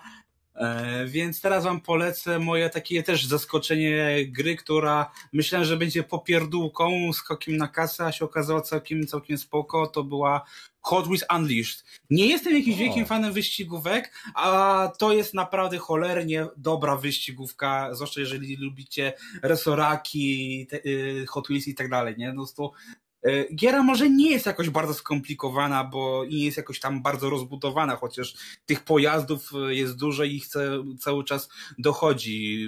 Było Halloween, doszła paczka, były święta, doszła kolejna paczka, także yy, jest co odblokowywać i to właśnie tutaj dużo rzeczy możesz odblokować, a nie kupić. Oczywiście są samochody do kupienia, ale przede wszystkim odblokowujesz. To jest, mówię, to jest coś, czego dzisiaj się już nie praktykuje że jak chcesz nową rzecz, to musisz sobie ją blokować. E, czyli gdzieś nie przez to zyskujesz gdzieś tam motywację do grania. No i to jest właśnie bardzo fajna gra. E, może kampania trochę jednak jest taka trochę powtarzalna i na dłuższą metę jest nudna, ale naprawdę ten y, poczucie pędu jest naprawdę w tym Hot jest naprawdę niesamowite. Szczerze wam to polecam. E, jeżeli lubicie się ścigać, tym bardziej, że to też ma split screena, także można też sobie pograć e, ze znajomym na jednej kanapie, także... Tam jest edytor e, leveli? Tak, jest. No, I, I naprawdę tam ludzie robią wykręcone pomysły w multiku. E, mimo tego, że też multik nie ma na razie jakiegoś modułu kompetytywnego, to możesz się mierzyć na tych właśnie się, trasach, są przed ludzi i tam naprawdę te pomysły bywają tak szalone, że wręcz powiedziałbym, że czasami są niegrywalne, nie? Takie ala Trackmania, wykręcone poziomy. Mhm. Do tego jeszcze z power-upami jak z Mario na każdym kroku, bo czemu nie? Możesz sobie je wrzucić. Eee, także mówię, to, to, to jest moje też zaskoczenie, gdzie jest tu mówię, gra, którą odpalam przynajmniej na godzinę dziennie i po prostu bawię się jak dziecko, nie? Hmm. No to fajnie. Pamiętacie, Hot Wheels Unleashed, tak? Tak. Okej. Okay. Kiwaku, chcesz teraz skoczyć? Metroid Dread. tak. E, ja jako osoba, która uwielbia Metroidvanie wszelkiego rodzaju, dla mnie ta gierka była wszystkim, czego oczekiwałem, a nawet przewyższyła pod niektórymi moimi, e, pod niektórymi aspektami moje najśmielsze oczekiwania. E, to, że dodano EMI, czyli e, roboty, które w niektórych strefach ścigają Samus, czyli gracza po dosłownie całym etapie i na, wystarczy jedno tknięcie i już jest się martwym. To dodaje takie, takiego przypływu adrenaliny, kiedy się przebiega dosłownie e, na ślepo, nawet momentami przez te etapy, byle tylko jakimś cudem ucieknąć przed tymi robotami, to jest wow. E, w, moim, w mojej opinii ten aspekt zrealizowano lepiej niż w ostatnich odsłonach Resident Evil, gdzie był Nemesis, Lady Dimitrescu i ten Baker. E, według mnie w Metroidzie to było zrobione o wiele lepiej, ponieważ um, te roboty, które nas gonią w tej grze, um, mhm. mają o wiele większą taką prędkość docelową, w sensie poruszają się z podobną prędkością co gracz, podczas kiedy w Resident Evil nasi przeciwnicy chodzą bardzo, ale to bardzo powoli, wręcz wloką się, więc można im z łatwością. Wilkołaki są szybkie. Tak, ale szybsze. chodzi mi o te. Chodzi, no tak, szybsze. Chodzi mi o te o tych, wiesz, tych głównych przeciwników, nie? Jak mm -hmm. właśnie mhm. Nemesis. E, oni byli cholernie powolni. No, może pomijając te momenty, kiedy Nemesis przeskakiwał dosłownie połowę etapu tylko po to, aby do nas podejść, ale to nieważne. Po prostu w Metroidzie jest o wiele więcej adrenaliny, bo przeciwnicy są, mają o wiele, podobnie, o wiele bardziej podobną prędkość do gracza, e, są o wiele bardziej inteligentni, bym powiedział, w sensie są w stanie o wiele lepiej śledzić gracza, o wiele ciężej jest ich zgubić. I przede wszystkim w Metroidzie wystarczy jedno dotknięcie i jest się praktycznie martwym, podczas kiedy w Resident Evil Nemesis możecie pieprznąć tam kilka razy, no przynajmniej na standardowym poziomie trudności możecie walnąć kilka razy, a dalej żyjesz, tak? E, więc poziom zagrożenia jest o wiele mniejszy, więc tak, e, gierka, która jest 2D e, wzbudziła we mnie momentami większe poczucie niepokoju niż horrory, takie typowe, growe. Mm, do tego dochodzi też niesamowite przywiązanie do szczegółów, jak na gierkę, która jest w 2D, w sensie animację Samus, E, to to jest dla gier 2D tym, czym Nathan Drake jest dla gier 3D. W sensie jest to bardzo, bardzo imponujące, że zadbał nawet o takie małe detale, jak to, że główna bohaterka, kiedy podchodzi do, do jakichś daszków, to się opiera jedną dłonią o nie, nie. W sensie coś, czego z reguły nie zauważasz, ale jak zauważasz, to to jest takie wow, bardzo fajny detal. E, no i do tego cutscenki, nie? W sensie bardzo mała ilość gier, e, które są Metroidvaniami mają cutscenki, a jeśli mają, no to są to z reguły bardzo proste, um, średnio wyreżyserowane sceny. A w Metroidzie powiedzieli, jebać to, zrobimy z Samus takiego e, badassa jak Master Chief czy, czy Doomslayer i to wyszło niesamowicie, niesamowicie epicko w niektórych momentach. Okej. Okay. E, no to ja wam w moim, na trzecim miejscu podam dwa niszowe tytuły, o których prawdopodobnie nawet nie słyszeliście. E, pierwszy z nich nazywa się Arkham Horror Mother's Embrace. E, jest to gra opierająca się o mechaniki znane z gier planszowych gry Arkham Horror lub Posiadłość Szaleństwa. Mówię o papierowych, takich wiecie, namacalnych grach i została przeniesiona do po prostu świata gier. Więc mamy tutaj do czynienia z grupą badaczy, którzy badają zjawiska nadprzyrodzone, osadzone w mitologii Lovecrafta, czyli świat Cthulhu, koszmary kosmiczne, magia, szaleństwo, obłęd i potworne rzeczy. Gra jest bardzo fajnie zrealizowana pod względem technicznym. Jasne, ma swoje błędy, nie jest to najpiękniejszy tytuł, ale naprawdę buduje klimat i jakby jest dobrze wpasowana w całe uniwersum jakby Lovecraftowskie, no bo jest oparte o gry planszowe i jednocześnie bardzo fajnie przenosi mechaniki z gier planszowych do gry wideo. E, drugim tytułem jest tytuł, który został wydany całkiem niedawno. Jest to tytuł na PlayStation 4, na PC to na pewno też jest dostępny, na inne platformy, no niestety nie wiem, bo nie śledzę. E, mówię oczywiście o, czekajcie, żebym tytułu nie przekreślił. Hercules Poirot, pierwsze sprawy. E, to jest seria gier, która jest wydawana przez firmy, która chyba została stworzona e, poprzez, przez członków rodziny Agaty Christie, która zajmuje się tworzeniem gier. I mamy tutaj do czynienia z przygodą detektywistyczną, która e, pozwala nam się wcielić w młodego Herkulesa Poirota. Jeżeli ktoś czytał książki, to e, w odróżnieniu do Sherlocka Holmesa, który korzystał z dedukcji, Herkules Poirot wykorzystywał psychologię, analizę jakby zachowań ludzkich i jakby poznawanie wewnętrznej części człowieka, nie tego, co człowiek zrobił, tylko jakby jakie były jego motywy i tak dalej. I ta gra ma bardzo dobry, chociaż dosyć liniowy system e, jakby tworzenia powiązań między faktami, które my jako gracz ustalamy rozmawiając z osobami.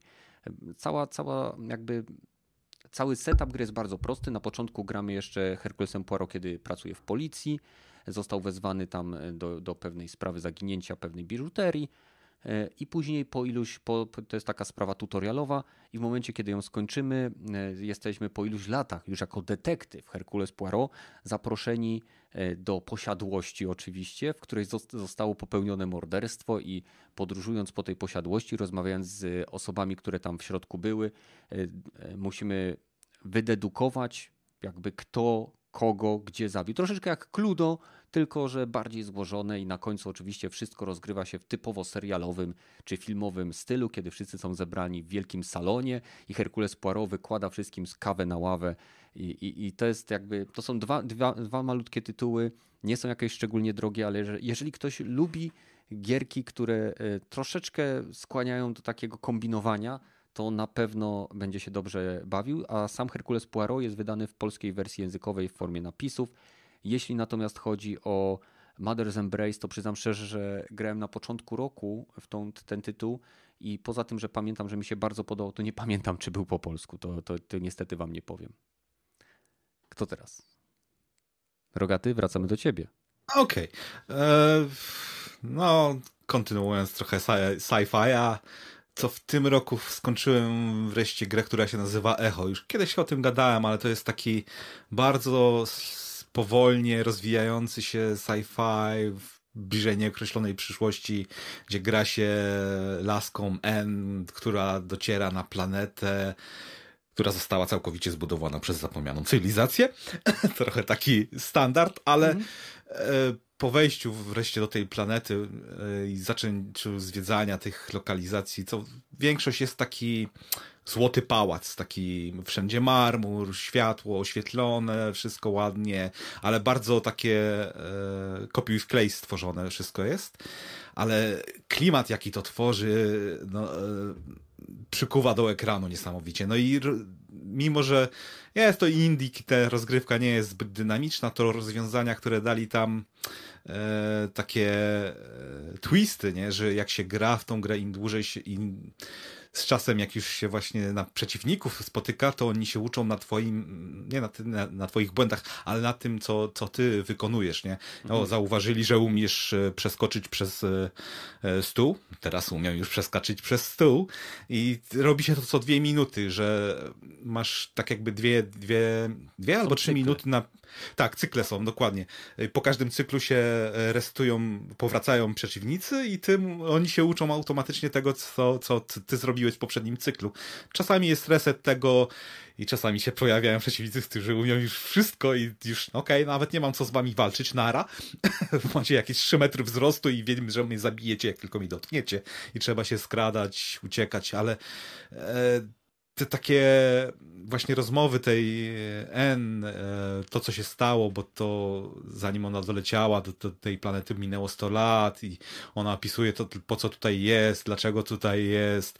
E, rozmawia ze swoim, właściwie nie ze swoim AI e, na statku, który ją przywiózł i daje sporo do myślenia właśnie w tym aspekcie, gdzie okej, okay, no to, to, że komputer jej zarzuca, że ona nawet nie wie, co robi, nie, nie ma pojęcia, wszystko bierze na wiarę i e, to, to, to nie ma sensu się tutaj w ogóle i nie, nie, nie uda jej się zrobić tego, co próbuje zrobić i nawet nie, nie wie, czy e, e, przeżyje to, co, czy, czy, czy będzie...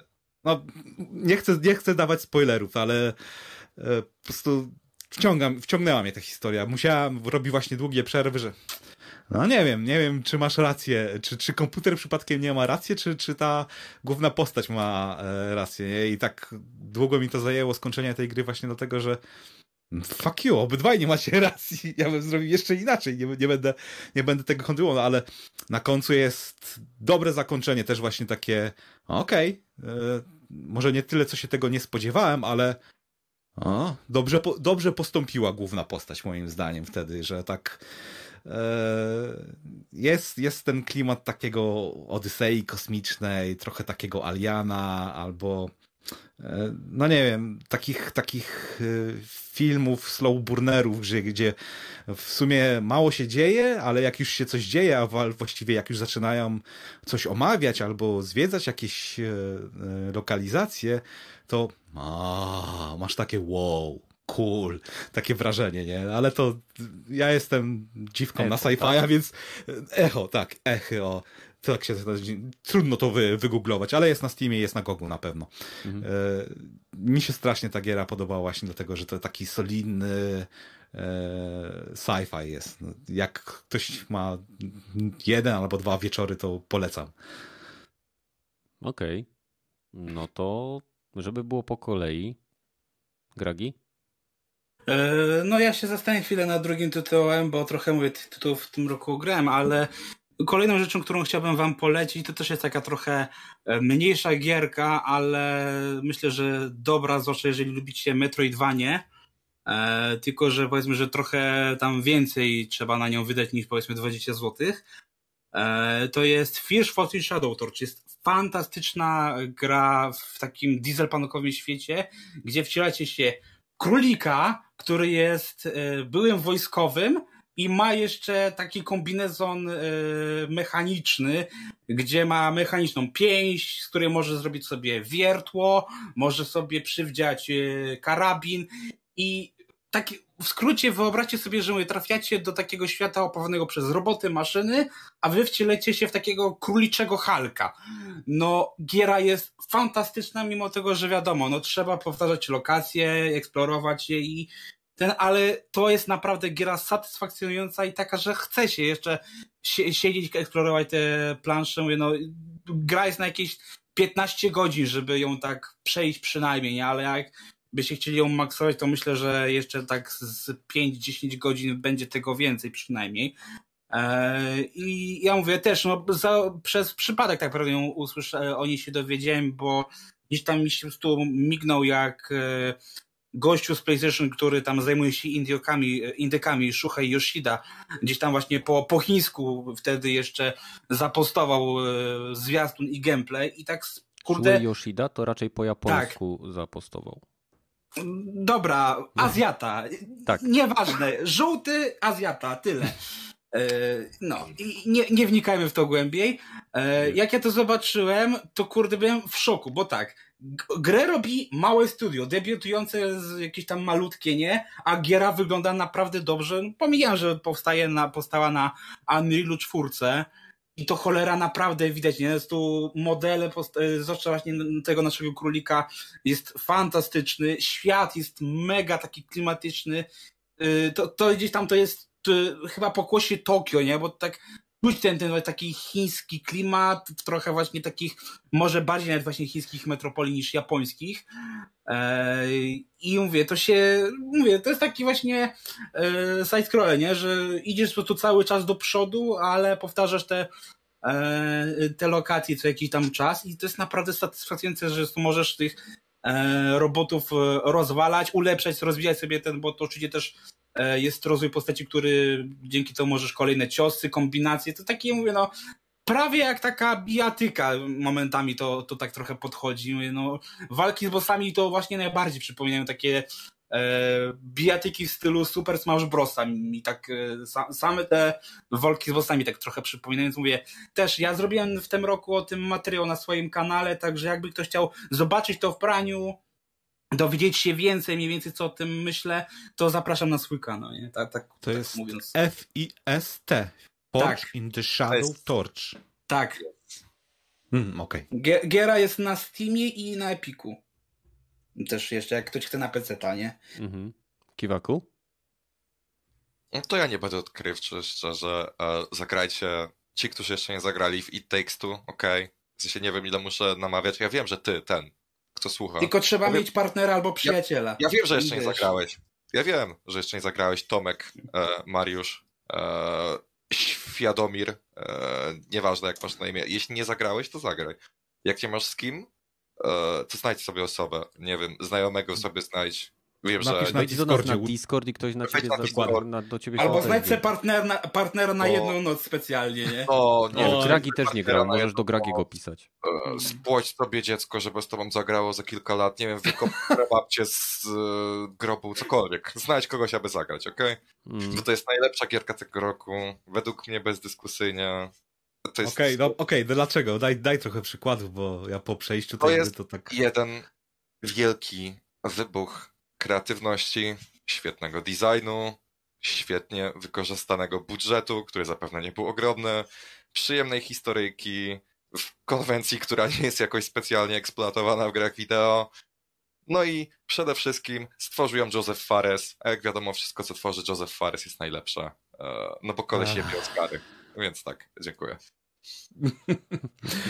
No, A, nie, no, wszystkim e, ta gierka dosłownie swoją jedną potężną e, dłonią, e, albo nie, jest swoją jedną potężną książką z dwoma dłoniami e, wyciągnęła z grobu gierki kooperacyjne, e, takie kanapowe, które współcześnie są praktycznie że martwe w branży gier wideo, a ona stwierdziła, a jebać, em, będę gierką kooperacyjną i przy okazji będę jedną z najgłośniejszych e, gier e, średniobudżetowych tego roku. Więc tak. Mhm. Za samo to, według mnie, Order z Ziemniaka, e, tytuł gry roku na The Game Awards i tak ten, wszystkie inne tytuły gry roku też, bo It Takes Two jest aktualnie najlepiej nagradzaną, najbardziej nagradzaną grą 2021 roku. Hmm. Więc jak nie zagrałeś, to zagraj, a jak nie chcesz zagrać, To nic nie straciłeś. to co ja ci mogę powiedzieć, no pff, smutny z ciebie człowiek, no. Jeśli nie zagrałeś, jeśli nie zagrałeś chociaż to, to ten. Jak, ci się, jak zagrasz i się nie spodoba, okej. Ale jak nie zagrałeś, to nie wiem, gościu. Nie, no, tak do, dorzucę się trochę do tego, bo ja właśnie zagrałem i o ile nie miałem problemów z, z rozgrywką tej gry, chociaż jest dosyć prostacka, może dlatego, że grałem z kimś, który, z osobą, która też jest dobrym graczem i absolutnie nie, nie, nie, żadnego wyzwania nie miałem w tej grze. Okej, wchodzimy do lokalizacji, wiemy od razu praktycznie co zrobić. Jedziemy, robimy to i do następnej lokalizacji. I tak niestety ta gra ma syndrom, moim zdaniem, za dużego budżetu, za, za długo trwa. Jakby była może ścięta o jedną trzecią albo o połowę, no to miałaby większy impact, a tak już pod koniec whatever man, skończmy to, już nie chcę nawet w to grać za bardzo, więc ja, ja nie, nie wiem dlaczego ci się aż tak bardzo historycznie, historia w tej grze to tak, tak już to umówiłem, ale to jest mniej więcej na poziomie Kevina samego w Nowym Jorku. E, Okej, no jak ci się... Dobra, nie jak mam nic przeciwko, tego, przeciw, jak przeciwko często- tym, ale... Jak często grasz w grową wersję Kevina samego w Nowym Jorku? No praktycznie nigdy. Połowa gier to jest jakieś poważne gówno, które czerpie albo z literatury fantasy, albo science fiction, albo z jakiegoś dramatu, cokolwiek. Jak często trafiasz na gierkę, która próbuje być pseudo-komedią pseudoromantyczną?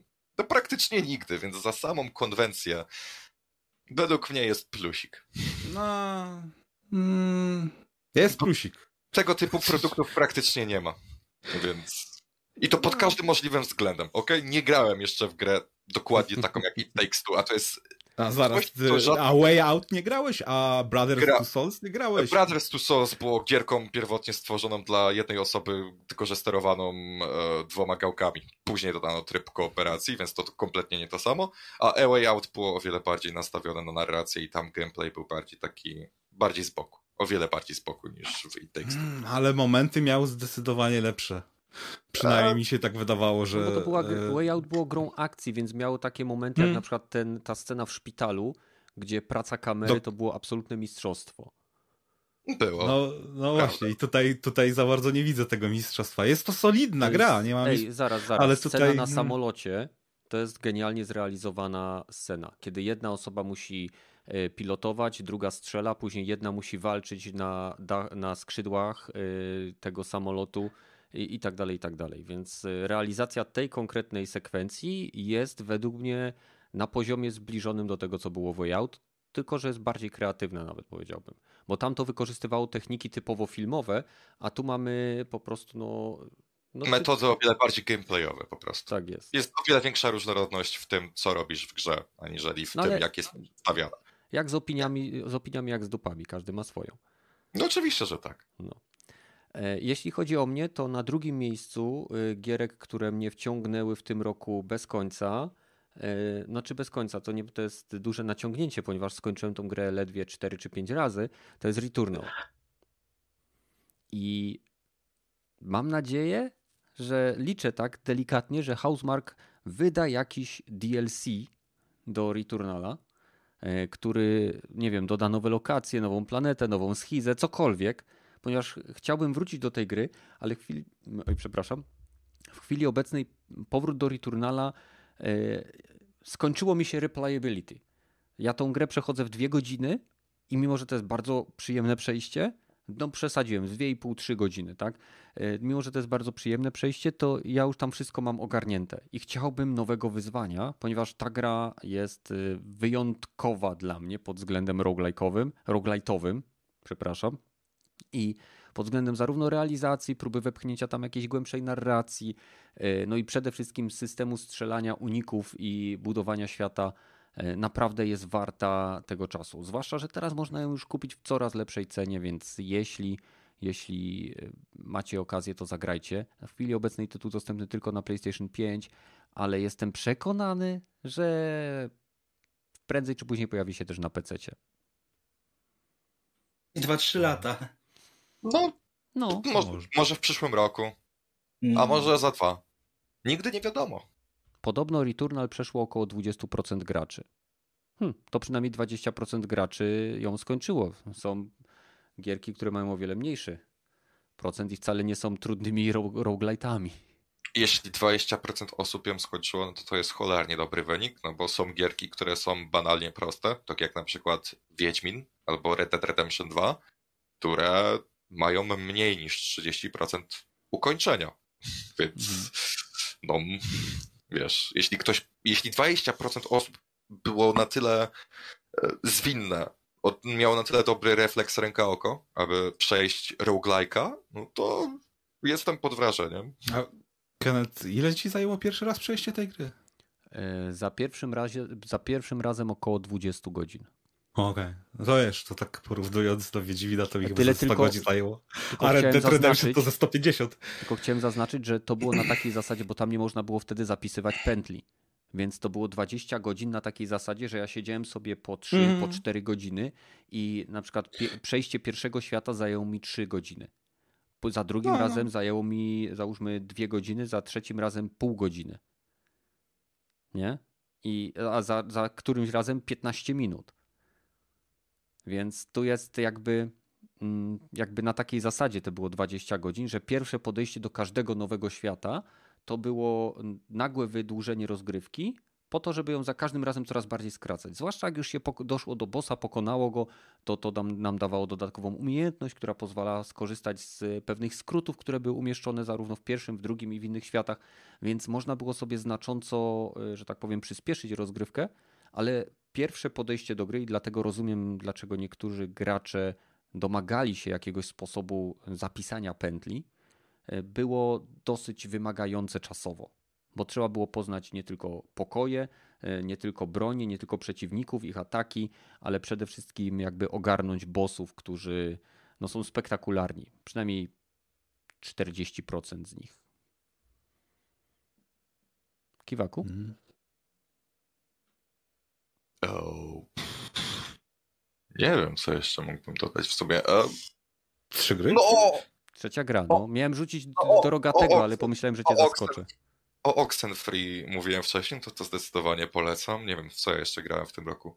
E, sporo grałem w remake e, Tonego Hawka, jedynki i dwójki. To, to jest jedna z najlepszych gier sportowych, w jakie można zagrać i a według Metacritic jedna z najlepszych gier e, kiedykolwiek, przynajmniej oryginał e, Tonego Hawka Pro Skater 2. Ja się z tym zgadzam i zawsze mm. się będę zgadzał, bo gameplay tej gierki to jest czyste złoto.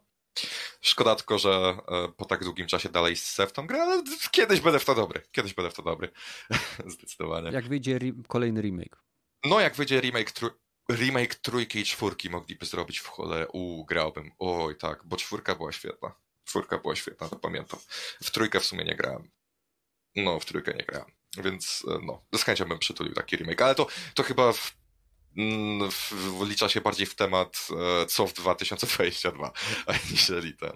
Aniżeli w ten. E, co jeszcze mógłbym polecić? Um... Shadow of War, Shadow of War, e, pamiętam, że w to grałem w tym roku. E, fajna gierka z otwartym światem. Jak komuś się nie podoba to, co Ubisoft zrobił z Assassinem, czytaj zmienił go w kompletnego RPGa i klona Wiedźmina 3, tylko że gorszego, e, no to ten, to polecam gierki od Monolith, bardzo przyjemne, przypominające bardziej Asasyna niż to, co aktualnie robi Ubisoft, plus dodają fajne, nadnaturalne moce związane z uniwersum e, Władcy Pierścieni, więc no, zawsze na plusik. Hmm. Okej. Okay. Rogaty? No to chyba bez zaskoczenia, ale Infinite. Number jeden dla mnie i chyba dla społeczności graczłacza chyba jest na pierwszym miejscu, o ile dobrze widziałem, pamiętam. A właśnie, widzisz jak dobrze, że o tym przypomniałeś. Kuś. E, dobrze, dobrze, już, już wchodzimy na naszą ankietę. Już wchodzimy, czekaj, czekaj, żeby nie było. Daj mi sekundo, sekundo. No. Jestem w trakcie klikania, jestem w trakcie klikania. Okej, okay, jestem. A, czekaj, nie mogę, rezult też. No, nadal na pierwszym miejscu z 19 głosami. A co jest na drugim w takim układzie? Ratchet Clank, Rift Apart. Okej, okay, no to Rogaty teraz będzie, zanim powiesz, wiadomo, Halo Infinite, e, mieliśmy e, ankietę dla naszej społeczności, którzy nas osoby, które oglądają nas teraz na żywo na pewno głosowały. W ankiecie wzięło udział 84 osoby i generalnie 16 dni temu została opublikowana. W chwili obecnej 19 głosów, 22%, 62 62 setne dla, dla Halo Infinite, 16 głosów na Ratcheta i Clanka, 15 głosów na It Takes Two, 8 na Resident Evil Village, 7 na Returnal, na którego ja też głosowałem, bo nie chciałem głosować na gry, w które nie grałem. E, później jest Forza Horizon 5, 6 głosów, Psychonauts 2, 4 głosy. E, link zaraz wstawię, słuchajcie, na czat, jeżeli chcielibyście sobie zobaczyć. Proszę bardzo. Czekajcie, bo nie, nie tu mi się wkleiło. Tu. Ok. E, no i kontynuuj. Dlaczego Halo Infinite? No, głównie dla gameplayu to jednak e, wydestylizowanie tego właśnie takiego rozgrywki Halo 1, 2, 3, troszeczkę zmodernizowanie tego, co próbowali zrobić w czwórce i piątce, e, no jest do perfekcji doprowadzone, przynajmniej z punktu widzenia, że to jest Halo. E, zarówno movement jest świetny, strzelanie jest świetne, uczucie broni, mają fajny kop i dźwięk, ale klima jest, jest, jest niesamowita w tej grze. Na, właśnie jak się po tym tym e, e, Halo, jak się chodzi po tych fragmentach, jak się wspina, biega, tam lata, e, zwiedza te wszystkie takie niby ta gra niby wygląda dobra, jeden biom, to to rozumiem, że ludziom fajnie by było Właściwie dobrze by było, jakby było inne lokalizacje. No, dosyć łatwo można byłoby to zrobić. Jemnijcie śniegiem wszystko w jednej lokalizacji, albo coś w tym stylu, albo zmieńcie drzewka na takie e, nie zimowe, tylko jesienne, żeby paleta się troszeczkę zmieniała.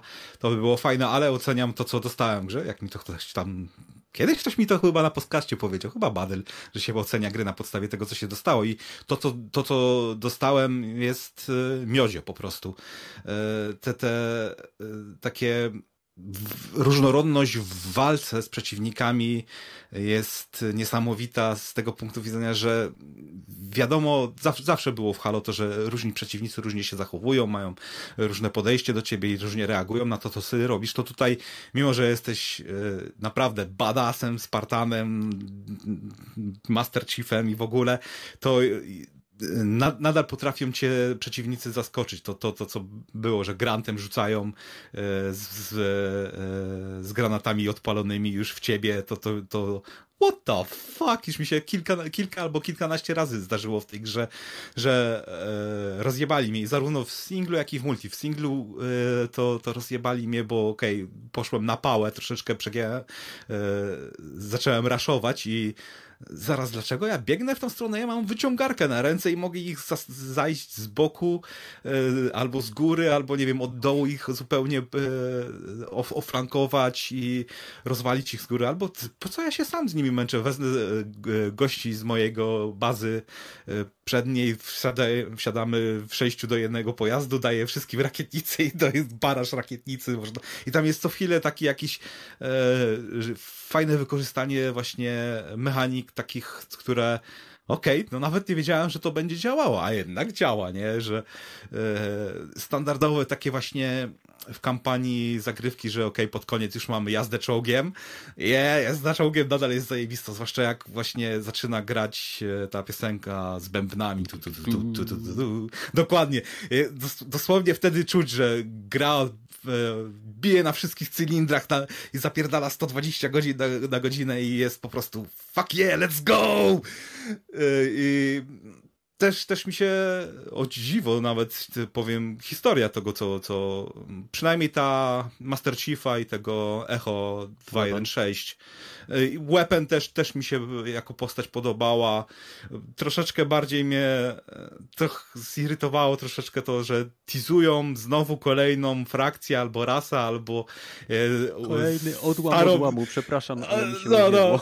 No, no, dokładnie, też taką trochę re, e, reakcję miałem, ale przynajmniej y, dobry, zły gościu był. Ten, ten, wiem, że gadająca małpa, jestem zły, jestem e, e, wściekły, ale jak się poznaje troszeczkę jego historię, to można zrozumieć go też bardzo dobrze. I też, też właśnie jest takie wing-wing nudge, że my się rozumiemy dosyć dobrze, my mamy zupełnie inne podejście do świata, zarówno Master Chief, jak i główna, główna małpa, która do nas krzyczy, ale jest, jest takie poczucie, hmm, może nie honoru z punktu widzenia tej małpy, ale E, ta, jesteśmy oboje żołnierzami, musimy zrobić to, co musimy zrobić. Mamy swój cel i osiągniemy go tak, jak będziemy chcieli go osiągnąć. Naj... I widać, że dobry militarny sci-fi to jest na najwyższym poziomie. No, no, no, no nie wiem, czy są jakieś porównania takie. No, większość, większość, większość w grach.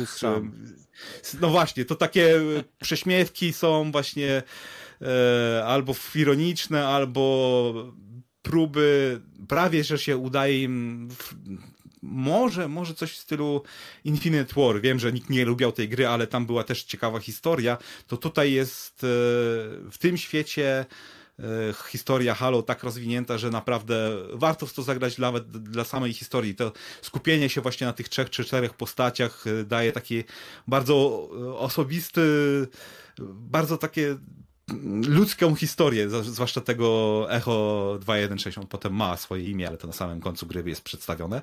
Mm -hmm. I, I, widać, że, że czuć po prostu, że zarówno ten echo się ła złamał, łamie się, widać, że Master Chief też już jest stary i ma nie tyle co nie dość, tylko że już jest troszeczkę już tyle przeżył, że, że nic go nie zdziwi, a z drugiej strony już chyba nie ma, nie, nie tyle co nie ma sił walki, ale ma, ma nutkę zwątpienia w osobie, która jest zawsze tym e, flagą promocyjną dla całego UNSC, dla całej cywili ludzkiej cywilizacji. On też ma swoje wątpliwości i myśli, myśli że to nie, może, może jednak ma, może jednak popełnił błędy, może ma jakieś tam takie... A zaraz później nie do, zmienia magazynek i skok z samolotu, Le... wyrzutnia, grappling Tak, park. tak, bo, bo to, to, to jest, to jest e, jednak Spartan wychowany od dzieciństwa w militarnym, który ma służyć ludzkości i te programowanie mu zostało jeszcze w, w krew tak mocno wlane i dosłownie, e, więc nic się nie dziwić, że... Ale nie, mi się ta postać strasznie podoba, nie? Jak, jak milczący e, badass e, Doomslayer był fajny, to tutaj te e, czasami, nie mówię, że zawsze, ale czasami te Wild Nine Layery od Master Chiefa są naprawdę dobre. No i odwołania do, do poprzednich gier są dobre, jak nie ma, że srają na poprzednie części z szacunkiem po prostu do, podchodzą do, do spuścizny Halo i do, do wszystkich tych gier i seriali i książek. Odwołania są właśnie do, do na pewno do gier, sami główni są z Halo Wars dwójki, więc tam jest tyle drobnych takich rzeczy, że no, normalnie dla samego zwiedzania też warto w to pograć, bo są momenty, w którym, że okej, okay, wchodzę sobie na jakąś polankę, o jakieś zwierzątka sobie biegają, o ptaszki, e, wzbudziłem jakieś e, e, ptaszki uciekają, wiaterek wieje, nawet sound design jest zajebisty, że jak się podchodzi do, do, do granicy tego kawałka pierścienia, to zaczyna wiatr wiać, tak samo jak się wchodzi na wysokie góry, to taki halny napierdala zajebisty, takie easter eggi są zajebiste, jak granty woła E, to, co niektóre teksty Grantu, to normalnie, że co, że, co żeś powiedział, że skopiesz mi tyłki, ja wam zaraz dam popalić, macie rakietnicę w twarz, nie będziecie mi pluć w twarz. ale, Zabiliście ale... go? Zaklepuję hełm. No, do, dokładnie. Kilka razy mi się tak zdało, że zabili mnie i Grant, nie, udało mi się, ha, ha, ha, ha głupi Master Chief. Albo y, nawet te takie pierdoły, które już w niektórych grach nienawidzę, jak te, te niszczenie wież propagandowych, to okej, okay, zniszczę ją, ale zanim ją zniszczę, to sobie zobaczę, co powie właśnie Groundy, które e, rozpowszechniają swoją propagandę przez te wieże, nie? I niektóre z tych tekstów to naprawdę, może e, nie padam na ziemię i się turlam, ale okej, okay, Chuckle jest, do, jest dobry, że okej, okay, no, to było niezły, dobry tekst. Czyli Halo Infinite i it tak. Od Kiwaku i Takes Two, od rogatego Halo Infinite. E, Gragi? No to ja utrzymam e, w takim układzie e, tytuły z listy i polecę z Ratchetem. Bo ja uważam, że to też jest no, świetny tytuł, który jest e, jednym z lepszych w ogóle w tym roku, jak no można powiedzieć, że prawie najlepszy, bo dla mnie, no gdyby nie Strażnicy Galaktyki, to dla mnie byłby to najlepszy tytuł tego roku. No ale jednak trochę strażnicy są minimalnie lepsi, chociaż gameplayowo no tutaj Insomniac znowu pokazało, że no wiedzą jak robić dobre gry i jak zrobić, żeby te gry się nie nudziły, nie? Więc to bo wiecie, to jest fajne, że mamy piękny świat, nie? I okej, okay, tą grafiką w, się można zachwycać długo, nie? No tutaj po prostu pokazali jak się powinno te gry e, robić, żeby wyglądały ładnie to wiadomo, to jest benchmark. Plus jeszcze fajne jest nagłośnienie i też fajnie wykorzystuje te, tego pada od Playaka piątki. Mhm. E, e, więc ja na przykład polecam e, nawet nie tyle grać na słuchawkach, jeżeli ten, tylko nie wiem, jak macie sobie podłączyć to pod kino domowe, pod wieżę cokolwiek i, i chłonąć te dźwięki właśnie z tym padem od razu, bo tam tyle w tle się dzieje, plus jeszcze sama muzyka jest sama w sobie fajna, że naprawdę bardzo polecam po prostu wchłonąć ten czas, bo się to, to chłonie y, wszystkimi zmysłami, nie?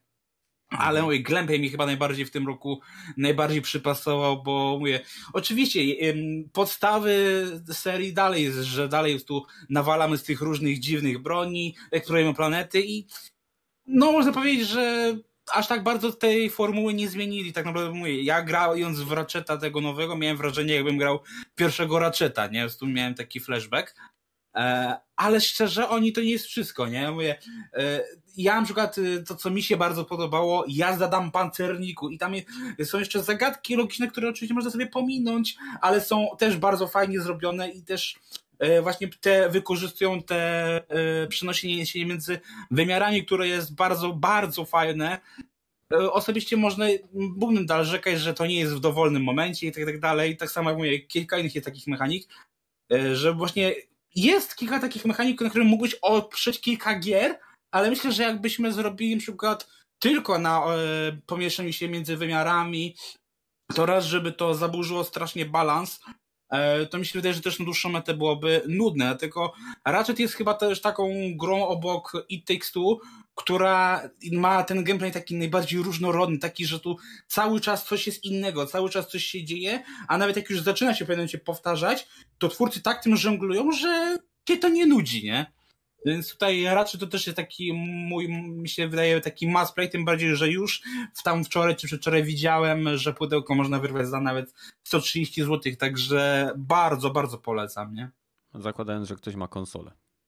Tak, a jeżeli nie ma konsoli najnowszej, a na przykład ma Playaka 4, no to Strażnicy Galaktyki. No i Kena. I Kena, absolutnie Kena to jest dla mnie yy, też taki tytuł, przy którym można się zrelaksować, można go przejść szybko, jak ktoś chce, można przejść go długo. Ja na przykład dalej go nie skończyłem, żeby było śmieszniej, bo nie chcę się z tym tytułem spieszyć.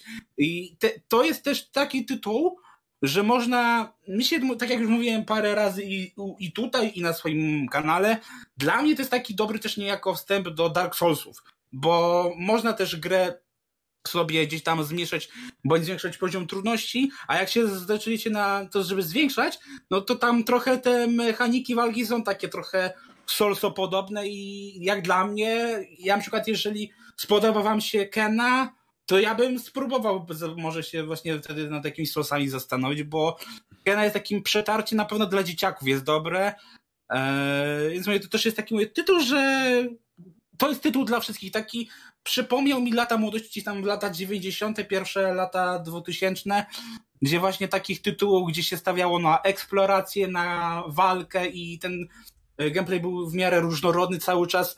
Nie, tak jak dzisiaj jest bardzo często, że dostajemy e, wszystkie gdzieś tam te umiejętności, mechaniki e, bardzo szybko, tak tutaj Kena może nie jest bardzo długą i bardzo rozbudowaną grą, ale umiejętnie ci jest tu dostarcza tych kolejnych mechanik, kiedy już myślisz, że e, już widziałem wszystko, to nie, dostajesz kolejną, na przykład, nie wiem, strzały z łuku, które, mówię, taki, mówię, Horizon dla dzieci, ale no, Kena mnie w tym roku powaliła chyba tak najbardziej, nie, jeśli chodzi o takie tytuły, powiedzmy, na, na kilka konsol, nie? Mhm, mhm. No dobra, no to ode mnie jest jeszcze jeden tytuł. Zagracie na, w ten tytuł zarówno na PC, na PS4, na PS5 w trybie wstecznej kompatybilności. Na pewno będzie go można o. kupić w bardzo dobrej cenie i zachęcam Was do grania z kimś. Ponieważ samodzielnie y, jest to bardzo dobry tytuł. Jest to Divinity Original Sin 2 E, mówię o tej grze już chyba od dwóch czy trzech tygodni, ale to dlatego, że ciągle z moją Agatą w nią gramy. Gra opowiada, pozwala nam stworzyć przede wszystkim własną postać. Ale przyznam wam szczerze, nie róbcie tego. W tej grze macie do wyboru sześć, o ile dobrze kojarzę. Raz, dwa, trzy, cztery, pięć, sześć albo siedem postaci, które zostały stworzone i mają swoje własne historie. My osobiście z Agatą gramy, ja gram byłym samotnym wilkiem, ona gra magiem, który jest opętany przez demona. E, a oprócz tego dołączyliśmy do siebie Czerwonego Księcia oraz e, Elfkę. I każda z tych e, postaci ma swoją własną linię fabularną, historie, które się przeplatają. Przez to gra jest o wiele ciekawsza, bo generalnie jakby cała fabuła Divinity Original Sin 2, to jest wersja definitywna, E, opiera się o to, że e, bóstwa, których jest siedem w tym e, świecie, zaczęły słabnąć, ponieważ pustka zaczęła się wdzierać do naszego świata i odbierać im moc. I są tam potwory, które się nazywają pustkowce, i generalnie my jesteśmy tak zwanymi przebudzonymi lub Godwoken, tak? W sensie, jak to się mówi? Jest tam po polsku i nie potrafię sobie przypomnieć. W każdym razie są to y, boscy, którzy mają szansę stać się bogami. Jesteśmy, y, możemy korzystać z tak zwanej mocy źródła, no bo jeżeli ktoś przetłumaczy dokładnie słowo sorcerer, to jest to osoba korzystająca ze źródła.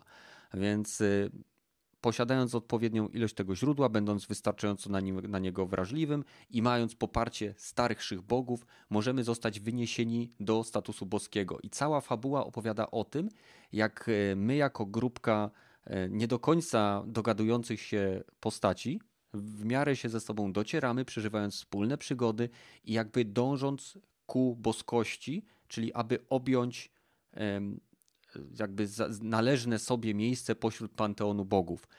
I problem jest tylko taki, że niezależnie z iloma osobami gracie, czy gracie samodzielnie, czy w dwie osoby na podzielonym ekranie w przypadku na konsoli, o tym za chwilkę powiem, czy gracie w cztery osoby na PC, Bogiem może zostać tylko jedna osoba. Czyli gdzieś na końcu, pod koniec tej fabuły, ktoś będzie musiał z kimś walczyć lub po prostu za, za pomocą bardzo rozbudowanych dialogów się dogadać. I chciałbym tą grę polecić przede wszystkim osobom, które grają na konsolach i uwielbiają RPG, ponieważ to jest jeden z najlepszych RPGów kooperacyjnych, jakie dane mi było zobaczyć na konsolach. E, nawet Diablo trójka nie umywa się do tego, co ta gra potrafi zrobić.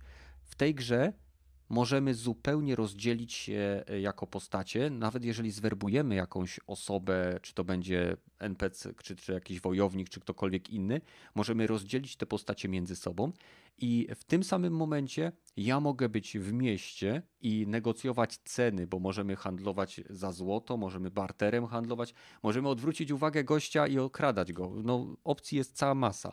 Jeżeli w większości przypadków, jeżeli sobie wyobrazicie, że coś da się zrobić, to prawdopodobnie da się coś zrobić. Czyli jeżeli przeciwnik stoi w wodzie, to strzelicie, załóżmy w nią piorunem, to wszyscy, którzy stoją w wodzie, zostaną, e, nie wiem, porażeni. Jeżeli e, mamy olej, to go podpalimy, może dojść do eksplozji i tak dalej, i tak dalej, i tak dalej. E, I w tym samym momencie ja mogę być w mieście i negocjować ceny towarów, na przykład przekupując kupca prezentami, dzięki czemu będzie mnie bardziej lubił i będzie miał dla mnie lepsze ceny. A w tym samym momencie Agata może być w jaskini i walczyć z trolem albo rozwiązywać zagadki. Nie ma tutaj przymusu bycia razem, i w zasadzie troszeczkę się gra w tą grę, jakbyśmy grali wspólnie w grę MMO, tylko z o wiele bardziej złożonymi postaciami, z o wiele bardziej e, złożonymi questami, e, ale nadal siedzieli na kanapie obok siebie, pijąc sobie piwko, nie wiem, jedząc pizzę, rozmawiając ze sobą i naprawdę rewelacyjnie bawimy się już ponad 60 godzin. W chwili obecnej mamy save chyba z 64 godzinami. I, i naprawdę gra jest po polsku, jest to jeden z najlepszych CRPG-ów nowej generacji, w jakie grałem, a grałem w Tides of Numenera, e, grałem już w Disco Elysium. Disco Elysium jest klasą samą w sobie i zupełnie nie odnosi się do, do tego, co mamy w, w Divinity, bo tam mamy nastawienie na walkę. W Disco Elysium tej walki praktycznie nie ma, bardziej wewnętrzna niż zewnętrzna, e, ale Disco Elysium kooperacyjny król, jeśli chodzi o CRPG bez wykorzystania internetu, więc naprawdę, naprawdę bardzo gorąco polecam. Mi się udało ją wyrwać za niecałe 100, chyba 60 zł, a, a jestem pewien, że będziecie w stanie kupić pudełkową wersję taniej, bo no po prostu genialny tytuł, genialny. Jeżeli macie jakieś pytania, to ten, to mówcie, a jeżeli nie, to będziemy przechodzili do 2020 roku, co będziemy w nim robić. E, czy ktoś z was... 20, a nie 22? 22. Cofamy się w czasie. Możemy się cofać w czasie, wiesz. E, myślę, że jakby ktoś mógł się cofnąć w czasie i zabić tego nietoperza, to by się cofnął. Więc jak będziecie żegnać 2022? Na domówce. 2021. Widzisz, Gragi, przestań. Gragi, jak będziesz żegnał 2021? Ja lecę na domówkę. Ja lecę na domówkę. Może wcześniej tylko jeszcze y, sprawdzę sobie nowy sezon Cobra Kai, także granie wielkie jeszcze dzisiaj ogarnę, bo jutro nie będę miał na to czasu, bo mówię, spotykam się ze znajomymi, także mnie od jutra do nowego roku nie będzie. Mhm. Okej, okay, okej. Okay. E, ja z, będę jutro, tak jak mówię, kręcił płyty karton gipsowe w mojej łazience. E, e, wieczorem prawdopodobnie wpadnie, wpadną znajomi i będziemy sobie siedzieć. Wiadomo, jak to w dzisiejszych czasach, Sylwester w czasach pandemii, jak to się mówi. I nie planujemy nic szczególnego, więc na pewno od czasu do czasu zajrzę na Discord. Więc jakby ktoś był, to będzie można wymienić kilka zdań lub wysłać emotkę stukających się kufli. E, link do Discorda oczywiście gdzieś tam w opisie. A ty, Kiwaku, co planujesz? No ja poran... Mm, słuchać mnie, czy... Przed chwilę tak, nie było cię słuchać, no. ale teraz dobra, słychać, no. Okej, okay, dobra. E, no to ja osobiście planuję e, rano zacząć uczyć się do kolokwiów, bo zaczynałem już po przerwie. Jezu! zaczynają mi się tuż po przerwie świątecznej, um, a później wieczorem spotkam się ze znajomymi i pewnie będziemy grali w jakieś proste gry planszowe czy coś.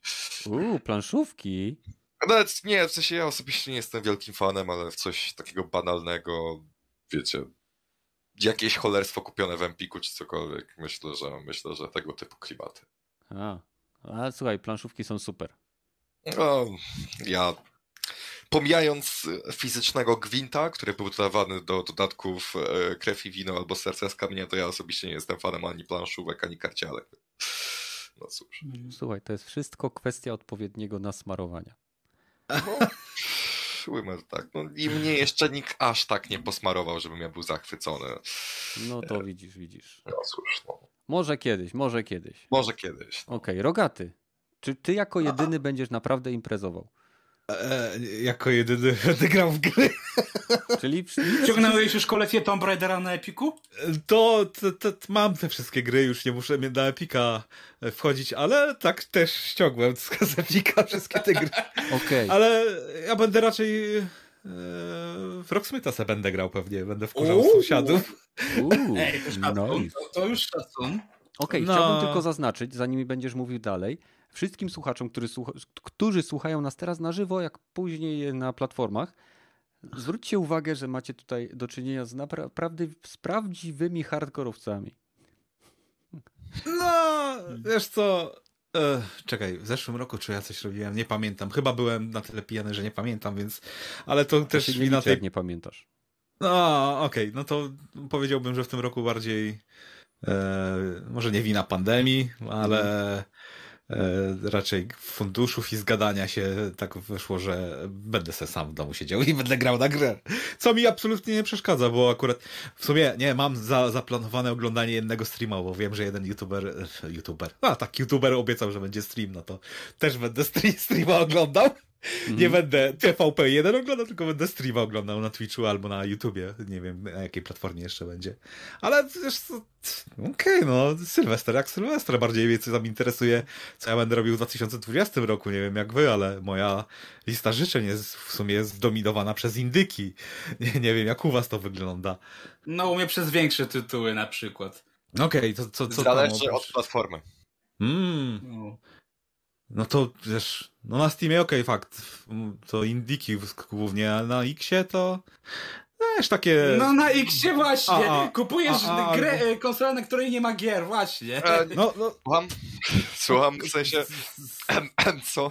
W sensie, wiesz, Forza ostatnio wyszła, nie wiem, Halo wyszło, kojarzysz? No a takie? to w przyszłym roku wyjdzie, ja się pytam, bo tutaj E, e, to Redfall, powiedział, że... Starfield, te sprawy, wiesz o co chodzi. Ale to, to nowe będzie na IP. PC, także Od wiesz. Bethesdy, wiesz, no... e, Ej, em, gierki Sony też są na PC, no i co z tego? Ej, Dobra. gierki Nintendo też są na PC, nieoficjalnie. Nieoficjalnie. I z tą no. formą piractwa i emulacji, ale wiesz, są. Nie, Nie? no to No, ja no. wiem, ale wiesz, chodzi mi o takie stricte pod, pod konsolę, nie? No to stricte pod konsolę to ja mogę emulować e, e, większość konsol Sony na moim Xie, więc e, mam trochę więcej, większą bibliotekę niż ty na PS5. Ale wiesz, e, mówiąc ogólnie o grach, bo ja sobie robiłem właśnie e, spiskę, co ja, co ja grałem w tym roku, to jakieś 21 grę, gier skończyłem, plus chyba ze trzy dodatki. E, Z nowych gier grałem chyba z 200-250 i koło ogólnie koło 300-400 gier grałem. e, 150 to są tytuły, które powracają mi praktycznie co roku. Tak jak, e, nie wiem, słuchasz albumy, które od czasu do czasu lubisz sobie posłuchać. A, dawno tego nie słuchałem, posłuchamy sobie. Tak samo jak film, nie? Masz sezon obraz świąteczny, to sobie Die Harda obejrzę i tak samo miałem właśnie, z, mam z niektórymi grami. Są wakacje, to Funreala prawie zawsze gram i e, na PC-cie nie mam tego problemu, żeby grać zarówno w AAA, jak i e, Indiki, tylko że nie z tego roku. Zazwyczaj mm, co najmniej w, dzisiejszych czasach to ja zawsze prawie, prawie czekam na e, aż wyjdzie pierwszy, albo drugi, albo trzeci patch. Zazwyczaj to 3-4 miesiące zajmuje. albo jak gra stanieje poniżej ceny, którą uważam, że jest godna tej gry, nie?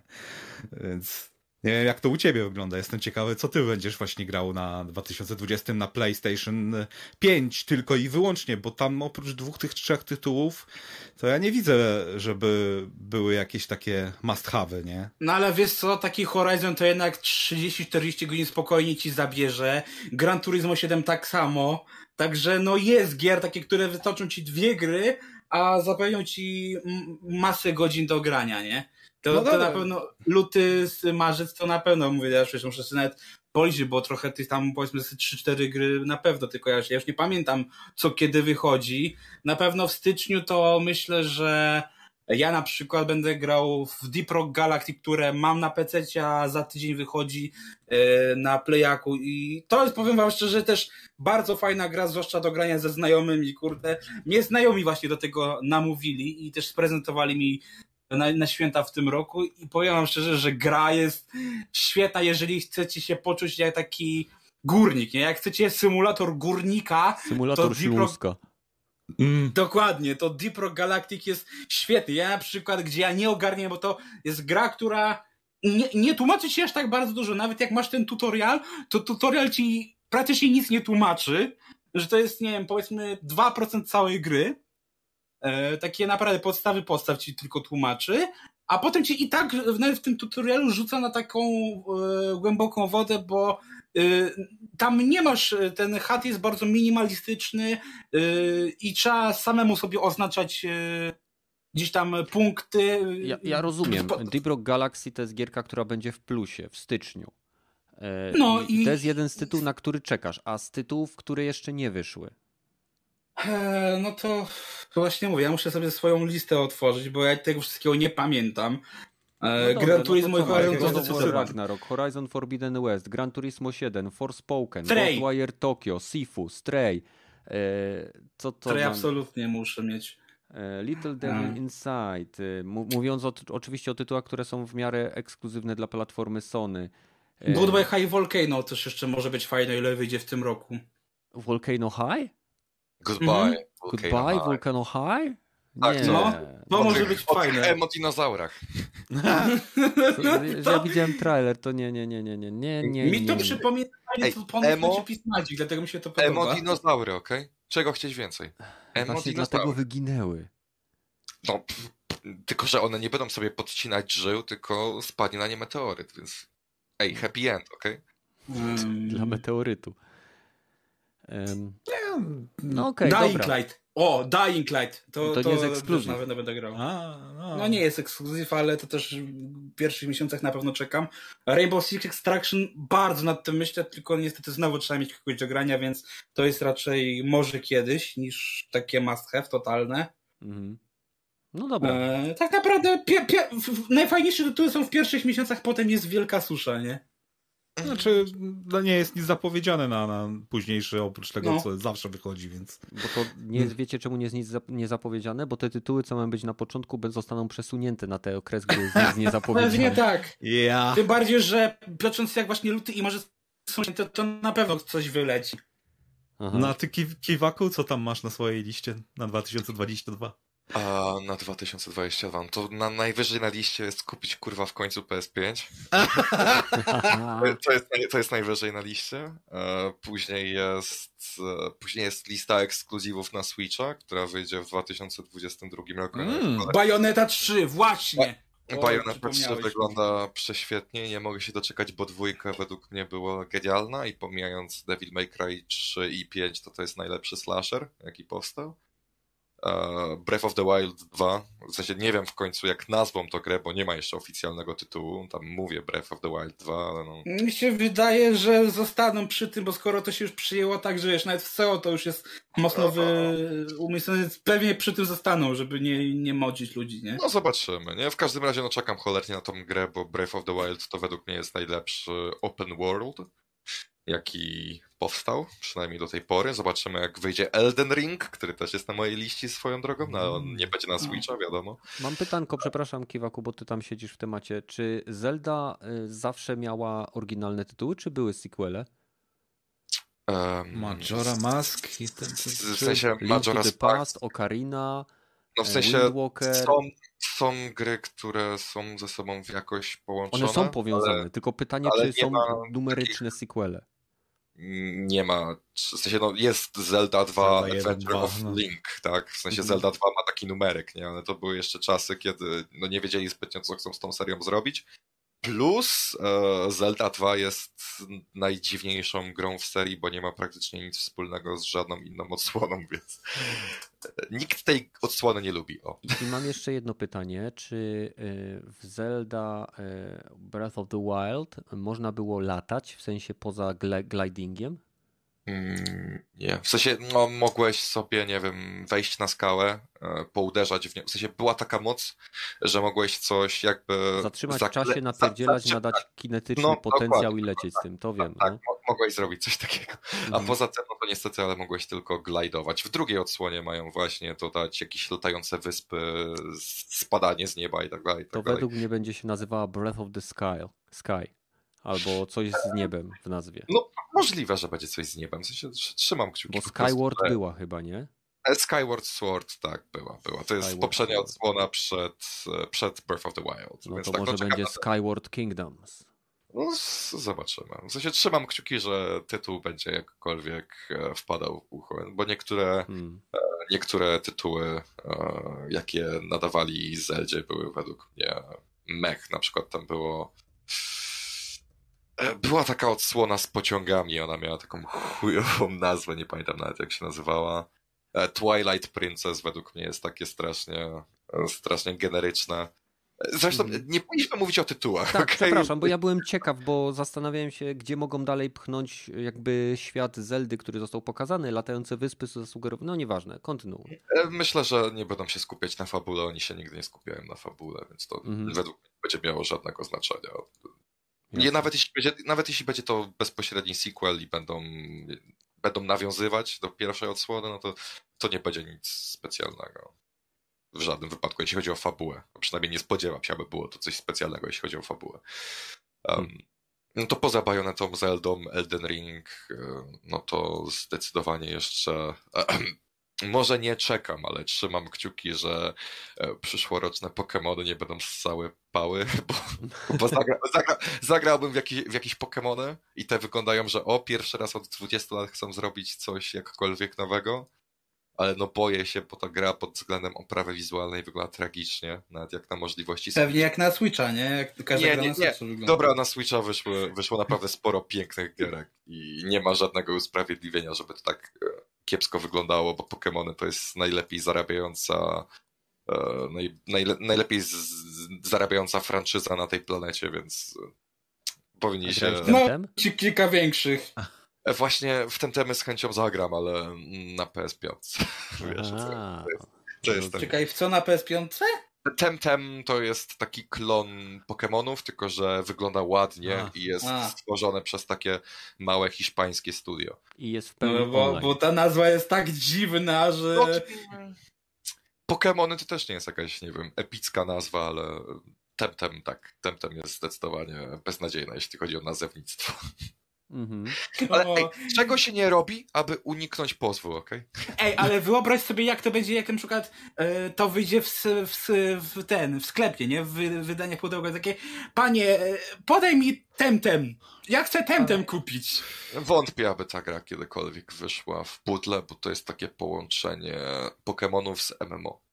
O Boże. Więc to nie jest tytuł, który bym wydał w pudle. W sensie są MMO, które dostały wersję pudełkową, na przykład Final Fantasy XIV, ale em, nie wiem, ja bym nie inwestował w takie coś osobiście. Sensie No bez tak. sensu. Po prostu, po prostu bez sensu. A ty, Kanet, co, co tam masz na swojej liście? Oj, ja mam troszeczkę. Ja mam troszeczkę i o dziwo w większości przypadków nie są to ekskluzywy Sony, może poza Gran Turismo 7, który ewidentnie dla mnie bardzo mocno trąca Gran Turismo 4, która była ostatnią e, z, z części Gran Turismo, gdzie pamiętałem sklepy, kupowanie samochodów, licencje, te wszystkie takie rzeczy, które wiecie. No to była najlepsza część Gran No, Turismo, więc tak e, naprawdę. Gran Turismo na pewno. E, Jeśli chodzi o Horizona i God of War'a, oczywiście to są must have, ale najbardziej czekam, jestem najbardziej ciekaw gierek takich jak Suicide Squad, e, O, Kill the Justice. League. E, Jestem średnio zainteresowany Gotham Knights ze względu na to, że e, to nie jest Rocksteady i to jest Warner Bros., a y, jeśli ktoś pamięta e, Arkham Origins, to była to najgorsza część serii. To E, zdecydowanie. Jeśli chodzi o, o e, serię Arkham. Co jeszcze z takich tytułów, e, które. e, Nie wiem dlaczego bardzo interesuje mnie Stray. Ta gierka o kotku w świecie robotów. A, Ty no stary, możesz się wcielić w kota. Czego chcesz więcej? No, no, no na przykład. E, Przede wszystkim to, jak ten kot jest animowany, to jest Mistrzostwo Świata. Dokładnie. I nie wiem, czy ktoś kojarzy taką gierkę z peceta GTFO. Mhm. To w wyszło. Early Ja kojarzę, Accessie. no. I już chyba wyszła z niego. Nawet jeśli wyszła, to mam taką cichą nadzieję, że ta gierka zostanie wydana na konsolę, bo bardzo podoba mi się koncepcja tego tytułu. E, Tak samo jak ta gra o krasnoludach. Też jestem zainteresowany, na pewno będę ją ściągał, na pewno, na pewno będę chciał w nią zagrać. Fajnie by było, nie wiem czy będzie miała crossplay, ale fajnie by było, bo No mogę Właśnie też się zastanawiam nad wtedy- tym. Na pewno ma crossplay e, między e, Xboxem a Minecraft Storem, więc Mhm. e, wiesz, tutaj nie wiadomo, czy będzie miała, bo skoro na razie nawet PC-towcy nie mogą grać ze Steamowcami, no to wiesz, to, to jest mały bubel, nie? No ale, nie, to ale, gra jest niezła, gra jest naprawdę bardzo fajna, zwłaszcza jak e, grasz w teamie, nie? Jak, się nazywa ten tytuł? Sorry. Deep Rock Galactic. A! Okej. To o tych krasnoludach, co walczą No, no, no, z no. obcymi i muszą, wiesz, przetrwać i wydobyć jak najwięcej No, no, no, teraz pamiętam. E, No. no, i, I tak naprawdę pozostałe tytuły to ta, takie typowe eksy Sony, no ale one wychodzą tylko na, na piątkę, więc w to na pewno będę chciał zagrać. E, Nie wiem, na pewno God of War na premierę, Horizon Forbidden West nie jestem pewien. E, a, a, tak? Bo one nie wychodzą o. tylko na piątkę. One są A, na czwórkę, no. No, jest, jest Wiem. crosswind, nie? Wiem, ale y, no, jednym z powodów, dla którego Suicide Squad y, Kill the Justice League mnie interesuje, to jest właśnie to, że to jest tylko next genowy tytuł i to było widać w tym fragmencie gameplayu, który pokazali. Tak Więc samo z Forspoken. Też E, może być to bardzo fajne. Widziałem troszeczkę gameplayu i jeszcze daleka droga przed tym tytułem, zanim spojrzę na niego i pomyślę, aha, next gen. A, No. Mi się podoba osobiście, ja czekam. Bo to Czyli wygląda nie jak... uważasz Forspoken za grę za- na 35, 350 zł, którą Nie, jest nie, no. sugerowany? Żadna gra nie powinna tyle kosztować. Zgadzam się. Umówmy się, żadna gra nie powinna kosztować 350 zł. I, i No chyba, że kupujesz kolekcjonerkę. być na każdej platformie. a, O, tak, tak, tak. No, no i jeszcze, A- jeśli co w 2022 roku, mam nadzieję, że Sony y, zakombinuje coś z tą usługą, y, z połączeniem PlayStation Now z usługą PS Plus i z dodaniem tych wszystkich rzeczy, o których plotki krążyły, czyli wiecie, ten, ta, ta niby pseudo-odpowiedź na Game Passa, więc tyle ode mnie. A O, ten... Oby to kosztowało sensowną ilość pieniądza, żeby nie było Mhm. tak drogie jak na przykład e, Nintendo Switch Online plus Expansion Pack, które, które no poleciało z wyobraźnią. I gry z Nintendo 64, które gorzą, gorzej wyglądają niż na Nintendo 64? Przypomnij mi, Tak, czy tak, tak, takiego czegoś nie było? Nie, Może nie gorzej, ale były błędy w emulacji, że na przykład mgła się nie wyświetlała w Ocarina of Time. Więc Mhm. to, czy to wyglądało lepiej czy gorzej, no ja bym nie powiedział, ale wyglądało inaczej, a w emulacji chodzi o to, aby wyglądało tak jak w oryginale. O, Okej, no to jeszcze na 2022 hardware. Jakiś czekacie na coś jeszcze? Bo- PlayStation 5 już wyszło, więc co chcesz być jeszcze? Mogliby, PlayStation 5 VR nowe. mogliby O, wydać Nie. Ej, ej, to akurat jest dobre, tylko jeszcze jakby to w miarę takiej spoko cenie z jakimiś sensownymi grami wyszło, to było spoko. Według mnie to zostanie zapowiedziane pod koniec przyszłego roku, ale premiera będzie w 2023. No, ale wiesz co, nie wiem, czy nie zaczną przyspieszać troszeczkę z następną generacjami albo z nowymi rewizjami konsol, bo zarówno i Microsoft i Sony na pewno chcą zejść z kosztów. I nie wiem, czy to by refresha jakiegoś hardware'owego nie, nie sugerowało już na przyszły rok. Może nie To- to Slima, ale na pewno problem, ten. Bo ja już konsolę mam, to tylko lepiej dla osób, które jej jeszcze nie mają. I ja Mm. poprosiłbym Slima w cholerę, bo PS5 jest podobno taką kobyłą, a tak, ta, taką mniejszą No. konsolkę z chęcią, ale, no jest trochę krówką, to, to jest, ale... ale jakie ma kształty? a ma kształty takie, że hmm, hmm, hmm, ale no wątpię, aby wydali Slimkę w przyszłym roku, Jak bo pijana dopiero, butelka Coca-Coli. dopiero A co te- wydali te, te płaty kolorowe, nie? Aha. Beka A, by była, no jakby, jakby chwilę po wydaniu tych płatów wypuścili konsolę, do której te płaty nie pasują. Więc wiecie No. o co chodzi. Przypuszczam, że dopóki na półkach nic nie, nie, będą leżeć, to nie będą e, klepać to, co mogą sprzedawać non-stop. Ale e, może Switch Lite? E, nie Switch Lite, sorry, Switch Pro. No, Czy, O. czy raczej nie? Wątpię. Prędzej, w- prędzej w 2023 wydadzą już nową konsolę, po prostu Next Gena. Tak myślę. No ale Nintendo miało tą tradycję dosyć długiego e, klepania hardware'u pod tą samą, różnego hardware'u klepania pod tą samą nazwą, No, nie? No te wiesz, no mamy- DS, DS było ile? 5 czy 6 modeli, nie? nie No i właśnie ponoć Switch ma być wspierany przez 10 lat i teraz niby jest dopiero w połowie swojego żywotu, także no... Nie, nie, nie, ten news o połowie żywota to on jest chyba z 2020, tak mi się wydaje, nie? Więc Bo- no, już jesteśmy za połową tego żywota, zauważalnie. Bo w sumie mamy już ile? Cztery czy, czy trzy E, w modele? 2000 w dwa- mamy, mm, zależy jak jest oryginalny model, jest tak zwany V2, który miał No, większą no, no, baterię o i tak tak. dalej, i tak dalej. Później był Lite, czyli już I teraz typowo jest ten OLED. model, a teraz jest OLED, czyli mam no cztery modele Switcha, tak na dobrą sprawę, nie? Hmm. No, oryginalny już nie jest w sprzedaży, nie? Więc no, aktualnie są trzy. Mm, nie, no bo też właśnie myślę nad PlayStation VR, czy by szarpnęli się i puścili, bo wygląda na to, że e, mimo, że nikt nie lubi Mike, pu, nie Microsoftu, e, Facebooka, czy lubi, me, to me, prawda. a to te, z tym też można powiedzieć. Ja ich tam nawet nie tyle co lubię, ale nie mam z nimi problemu na razie. Mhm. Teraz, w obecnej chwili, zaznaczam, w obecnej chwili, bo to może się zmienić, ale e, VR zaczyna jednak, e, przynajmniej ten od Facebooka, czyli Mety, e, podobność prześcigał, prześcignął już chyba Tak, PlayStation tak, tak, VR tak, tak, tak. i teraz, no, jest, jest przyszły rok to dobry czas na e, drugi atak, nie? Żeby były jakieś gry na tego i żeby ten hardware był tani i dobry. Mhm. Ciekawe, czy właśnie Sony by się skusiło na to, czy jednak nie, nie mamy nawet e, 10 sztuk do sprzedaży, więc nie ma po co wypuszczać. Mi się tutaj niestety wydaje, że problemem nie będzie chęć Sony, tylko y, zdolności produkcyjne ze względu na dostępność chipów i półproduktów. I to, co No. Sajmuk napisał, wydaje mi się dosyć realistyczne, czyli tak jak mówiłem, PSVR 2022-2023, w sensie premiera w 2023, zapowiedź w 2022, a PS5 Slim lub Pro w 2024.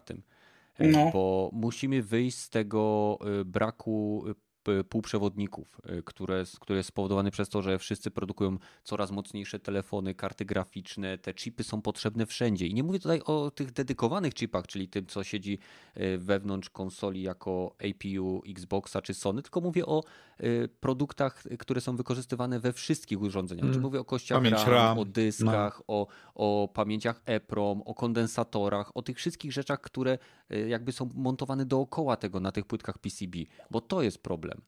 I, I dopóki to nie zostanie jakby częściowo rozwiązane, no to nadal będzie.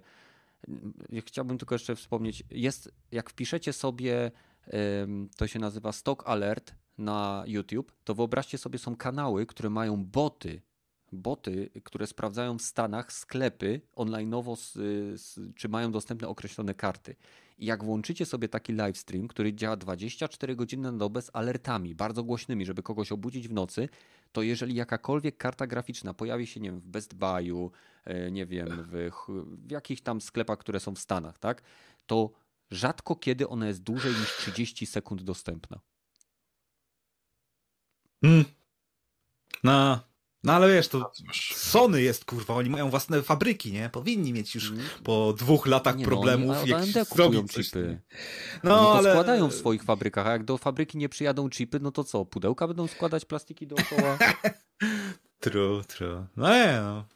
Argument, że Sony to jest średni argument, okej? Mówię, Ale o firmach nie, tak no stary, come on. Microsoft, wiesz, oni mają kilkadziesiąt, kilkaset miliardów więcej niż Sony. Ta, ale wiesz, mieć miliardy na koncie, a mieć fabryki, patrz, patrz ile elektroniki nadal Sony produkuje, nie, nie znam się, ale oni telewizory klepią, y, aparaty w chuj klepią, kamery w chuj klepią, telefonów chyba już mało robią, ale nadal robią, więc ekrany do, do VR-a, jak co, to są wi- ekrany zazwyczaj właśnie od telefonów. Ostatnio pokazywali fajne ekrany. Że 200 Hz? Odświeżania? Ten, ten matryca taka? A, nie, dobra, nie, nieważne. te Co- nowe co- do co- wiarki, y, y, takiej jakiejś ultra gęstości matryce 4K. No, no, chyba to takie widziałem. ultra lekkie i takie, że mieściły się normalnie w goglach, że każde oko miało 4K rozdzielczości. Wiadomo, że Mm. y, konsola nie jest w stanie wyświetlić VR, y, gry VR w 4K natywnym w 60 czy w 90 czy w 120 klatkach, to bądźmy szczerzy, ale chodzi tutaj o gęstość pikseli i brak efektu siatki. No, no. Mhm. Nie no, jest na co czekać moim zdaniem na, na, z hardware'a. Pytanie, czy będzie. Znając życie, będzie przez 15 sekund preorder dostępny, a później ciena. A, Mm. Tak jak z wszystkim. Tak. Chociaż w sumie z dostępnością PS5, przynajmniej w Polsce, jest już chyba coraz. No nie, e, jeszcze, lepiej, jeszcze ani razu, nie, szczerze mówiąc, ani razu nie widziałem w sklepie, żeby Ja było, też nie. Że, że jest. Znaczy nie, w sklepie nie, ale chodzi mi o to, że jak wejdziesz sobie na ten, jak wejdziesz sobie na jakiś Media Expert albo Media Mark, to możesz zobaczyć pakiety z zawyżoną ceną oczywiście, ale one są coraz, No, one są coraz dłużej dostępne, nie, że przez kilka dni, a nie, że e, mają niedostępne konsole po 15 sekundach, tak jak było jeszcze pół roku temu. Nie? Ta, to też dla mnie jest produkt widmo, bo jak nie ma, nie ma na półce, to tak nie mam za bardzo. No nie, no. Nie mówię, że tylko, ale przy Sony to nawet PS4 nie, ma, nie da się kupić już na, na półkach sklepowych w kilku sklepach, No, co byłem przed. To jest przed... prawda.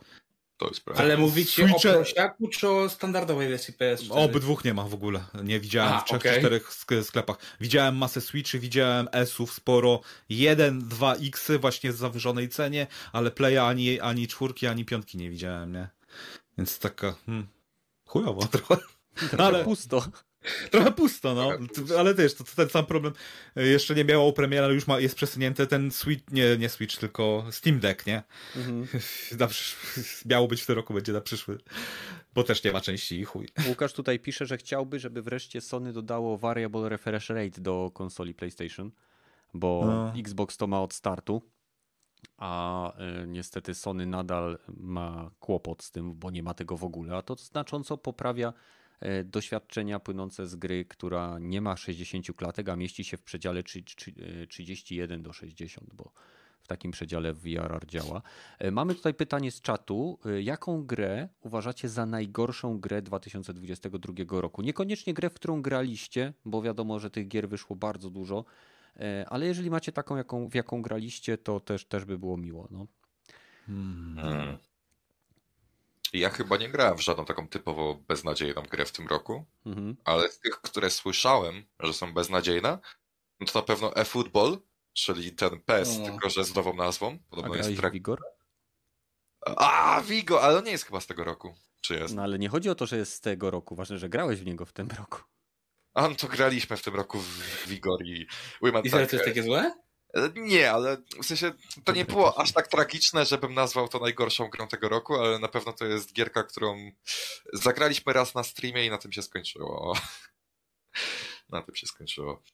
Mm, Ale z takich typowo najgorszych, e, to myślę, że albo właśnie Football, albo Balan Wonderworld. To było chyba na początku roku. A, Baland, w ogóle o tym zapomniałem. No, to na początku roku wyszło i to jest od twórcy Sonika. I to podobno jest jedna z najgorszych e, platformówek, jakie kiedykolwiek wyszły, bo ma tam.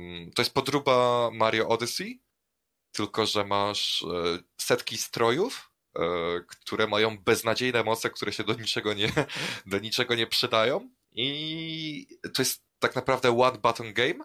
Mhm. Czytaj poza, poza sterowaniem analogiem możesz wcisnąć którykolwiek przycisk i on będzie robił to samo. Czytaj, jeśli jakiś strój skacze, no to nieważne, który przycisk wciśniesz, to twoja postać będzie skakać. E, A jeżeli jakiś strój, nie wiem, rzuca jakimś gównem, no to niezależnie, który przycisk wciśniesz, twoja postać będzie rzucać jakimś gównem. Więc to jest pod względem struktury no bardziej prostacka gra niż to, co dzieci robią na informatyce w Scratchu. Więc no, Rozumiem, rozumiem. Ja muszę też, e, po, polecam wam wcześniej taką gierkę Arkham Horror Mother's Embrace. Jak się okazuje, jeśli chodzi o Metacritica, jest ona na ósmym miejscu najgorzej ocenianych gier. Więc ja się bawiłem w niej świetnie. Czekaj, przypomnij nazwę? Arkham Horror Mother's Embrace. To jest gierka A, oparta czuję, o, że też ma w przyszłym roku też ma jeszcze coś takiego wyjść, więc o, o system z gry planszowej Posiadłość Szaleństwa, druga edycja. No to to już wiadomo przynajmniej ja, jakiej jakości są twoje polecanki, nie? Ja- Jak warto się z nimi interesować? No, słuchaj, ja się bawiłem dobrze. Ty, ty do tej pory bawisz się dobrze w Battlefielda, a wiemy jak ludzie Mm. go oceniają. A to też true, ale wiesz, no chociażby wiesz, może to nie jest totalny krap, nie? Zawód na pewno, ale BFA totalnym krapem nie można nazwać. Tej gry, o której ja mówiłem, też nie. Okej, e, Mhm. ty jaką grę byś uznał za najgorszą w tym roku, Gragi? Eee, wiesz co, takich krapiszczy typu Bolan Wonderland czy Remaster GTA nie gram, ale mam kilka zawodów i chyba najbardziej grą, która mnie zawiodła w tym roku, gdzie mimo wszystko można było się tego spodziewać, to był Land of War The Beginning, czyli e, drugowojenny FPS e, z Polski, od polskiego studia. Bardzo taka, to jest gra, która może i robi parę rzeczy takich, ma fajne pomysły tam miejscami, ale jakością wykonania praktycznie w każdym aspekcie to jest gra taka, jak się powiedzmy 15 lat temu kupowało za 10 zł, y, będąc w supermarkecie, czy y, kupując płatki śniadaniowe. No, o, naprawdę, ja nawet, ja jej nawet nie skończyłem, nie? Nie, nie, nie dałem rady. Po prostu to było tak złe, i najbardziej mnie to boli, bo bardzo na to czekałem i osobiście odezwałem się do wydawcy o kod do recenzji. Więc mm. kiedy się okazało, że to jest chłam, to mi to tak bolało, bo mm. sam chciałem tego. Sam tego chciałem i się tak przejechałem na tym tytule, że nie, nigdy więcej, kurwa. Jeszcze mnie tak samo rozczarował e, rozczarowała gra Cobra Kai The Karate Kid Saga Cognis, który jest właśnie na licencji tego serialu, a ja oczywiście nie, nie spodziewałem się jakiegoś wysokiego budżetowego tytułu, ale też mimo wszystko mnie to rozczarowało, nie? Bo to jest gra, która ona nawet wygl nie wygląda jak gra na komórki, to jest gra typowo budżetowa gra z czasów PS2. Jezus Maria. Plus, że chociaż były, e, wiesz, tam dialogi z, z oryginalnych aktorów podłożone i gdzieś tam modele postaci jako tako się przypominał, ale system walki, e, to jak ta gra działa, to jest po prostu tragedia. Mhm, mhm. Rogaty. A, a tę grę można teraz za 17 zł wyrwać na Steamie. A ty ile dałeś? Ale, yy, wiesz co, chyba jakieś 50, ale zaraz y, zwróciłem to o Steamowi, nie? Mhm. Jakoś tak. Nie, nie wydawajcie 17 zł. Kupcie Oxenfree za 4 zł. Dokładnie tak. No. Ty, Land of War kosztuje stówę bez złotówki. Albo, albo pobierzcie, teraz chyba jest zniżka. Pobierzcie Tomb Raidera za darmo na Epiku. Zróbcie cokolwiek. Sprzedajcie swoją duszę, ale, ale nie kupujcie, nie kupujcie Cobry Kai za 17 zł. Matku Polska. No, okay, w sumie no. ja nie, ja zazwyczaj jak widzę grę, że jest albo totalnie zabogowana, albo jest nie dla mnie, to przestaję w nią dosyć szybko grać, więc jedyne co to, to te największe rozczarowania to miałem właśnie i i Battlefield, bo to byłem bardzo, może nie, nie bardzo nahypowany, ale miałem jeszcze nadzieję jakąś, że okej, okay, to będzie punkt zwrotny, będzie lepiej. Widzę, że starają się, słuchają e, społeczności, pokazali za pierwszym razem to, co właściwie chciałem dokładnie. E, I rozczarowanie było bardzo duże, ale w sumie to moja wina, bo to jest jej, DICE jest wydmuszką tym, co było kiedyś i Mo, mo, wiedziałem, że tak będzie troszeczkę w głębi serca. Nie, nie, nie zdziwiło mnie. Najbardziej mnie wkurzyło chyba GTA, bo to taki typowy skok na kasę, bez szacunku dla oryginału, bez, bez y, zmiany dobrych, bez polotu, na odpierdol. No ale czego ty się spodziewałeś po remasterze? To nie jest remake, to jest remaster tego, no, że ale... działał w 60 FPS-ach no, na nowej generacji konsol i na no, no, Wiesz, no bo, bo są, tak jak mówiłem, Quake jest zajebistym remasterem, to też jest remaster i nie miałem żadnego z, y, problemu z tym. Są remastery, które robią równie dużo minimalnych rzeczy na dobre, a jednak wychodzą zajebiste. Nie wiem, Turoki remastery były na tyle dobre. Wszystko, co, co tego Hex Studio, ci co robią te wszystkie porty na, na PC, te, te e, co oni tam jeszcze robili? System Shocki chyba robili, jeszcze też chyba robią jakiegoś teraz e, Sina robili też, też stara strzelaninka, Kingpina chyba też robią e, jako, nie wiem czy to oni, nie, ktoś inny chyba robi Kingpina, ale są, są rzeczy, które przynajmniej widać, że się troszeczkę starają i zależy im na tym, żeby to był w miarę dobry e, remaster taki. A tutaj widać, że nie, nie mamy czasu na to, wiem, że jest chujowo, wiem, że jest tak na odpierdol zrobione. Wydajemy. Walić to. Wydajemy. Hmm. Ja chciałbym jeszcze tylko powiedzieć, że y, uważam, bo tutaj mamy pytanie o ulubiony remake, remaster. Ja bym dodał najgorszy remake i remaster, to możemy już w zasadzie wskoczyć w tematy nieplanowane. E, Far Cry Blood Dragon który został wydany przez Ubisoft. Gra, która e, ile, nie, nawet nie pamiętam ile dokładnie lat ma, ale działa na konsoli PlayStation 3 chyba i 4. No. E, I ona nadal jako remaster działa na konsolach następnej generacji, obecnej generacji, czyli PlayStation 5, Xbox Series X w 30 klatkach, bez żadnych konkretnych e, ulepszeń, z tymi samymi bugami, nawet gorszymi w niektórych momentach. I unikajcie tego jak ognia, naprawdę. To nie jest warte waszych pieniędzy. Lepiej sobie ściągnąć, e, kupić za małe pieniądze wersję PC-tową, którą można odpalić w 60 klatkach na wcale nie, nie, nie wiadomo jak silnym PC-cie e, i można w nią naprawdę dobrze się pobawić po prostu zagrajcie w oryginał. Będziecie się po prostu lepiej bawić, bo nie wszystkie rzeczy, które w tamtym Far Cry'u, który był mocno stylizowany na kino akcji lat 90., e, dobrze przenoszą się w wysoką rozdzielczość i to, co oni z tym zrobili, więc tyle. A ulubiony remaster? E, Legacy of Kain Soul River. Jak kiedyś powstanie? Jak kiedyś powstanie, tak. Okej, dobra. No, Mm, no, już mówiłem, Quake. no A, mówiłeś, okej, mówiłeś, tak. A najgorszy w twojej opinii, Rogaty? No w tej chwili e, e, GTA, ten, ten collection. Okej, okej. No i dobrze. E, Okej, e, Kiwaku, Gragi, chcecie coś dorzucić, czy będziemy powoli E, kończyć? Najlepszy remaster e, to remastery Call of Duty. Modern Warfare i Modern Warfare 2 były bardzo dobre od Mhm. Activision. No ale nie wyszły w tym roku. A, a mówiliśmy, że w tym roku e, najgorsze remastery? Uuu. To poza GTA. Najgorszy Diablo był chujowy. Chyba, że Ja to wiem, tak jak Diablo- mówisz, że tu, Diablo to, był korygowaliśmy to wtedy. Diablo okej. był ładny wizualnie. Więc. Mm. A najlepszy, no to e, Alan Wake e, Remastered, bo był dobrze wyceniony. O, to jest jedyny remaster tego roku, który był w sensownej cenie, więc No i też właśnie zamierzam go nadrobić niejako, bo ja nie zdecydowanie w- daję mu okejkę, bo remastery właśnie tyle powinny kosztować, stówka i tyle. Dziękuję, no balans, a nie, że ktoś sobie życzy, a 250 albo e, powyżej dwóch stówek, jak tak jak e, ten e, GTA. Tam chyba 270 kosztuje ta trylogia?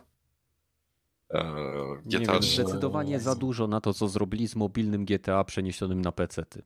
No, dokładnie. No. Dobra, słuchajcie.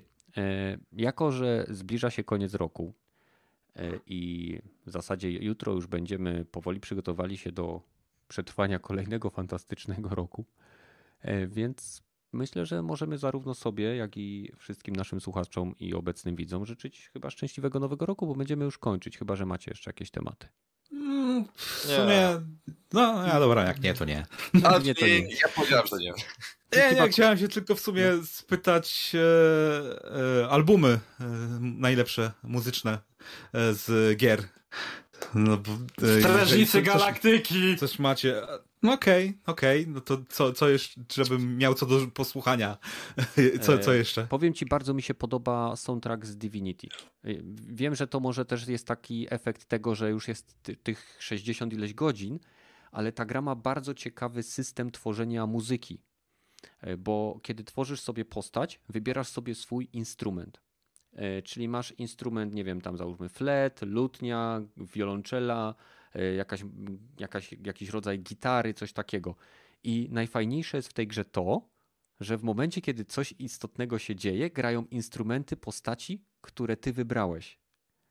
Czyli jeżeli jest walka, to słychać flet i załóżmy e, kontrabas. Jeżeli e, twoja postać jest w jakiejś części robi coś epickiego, to gra konkretna muzyka związana z tym instrumentem.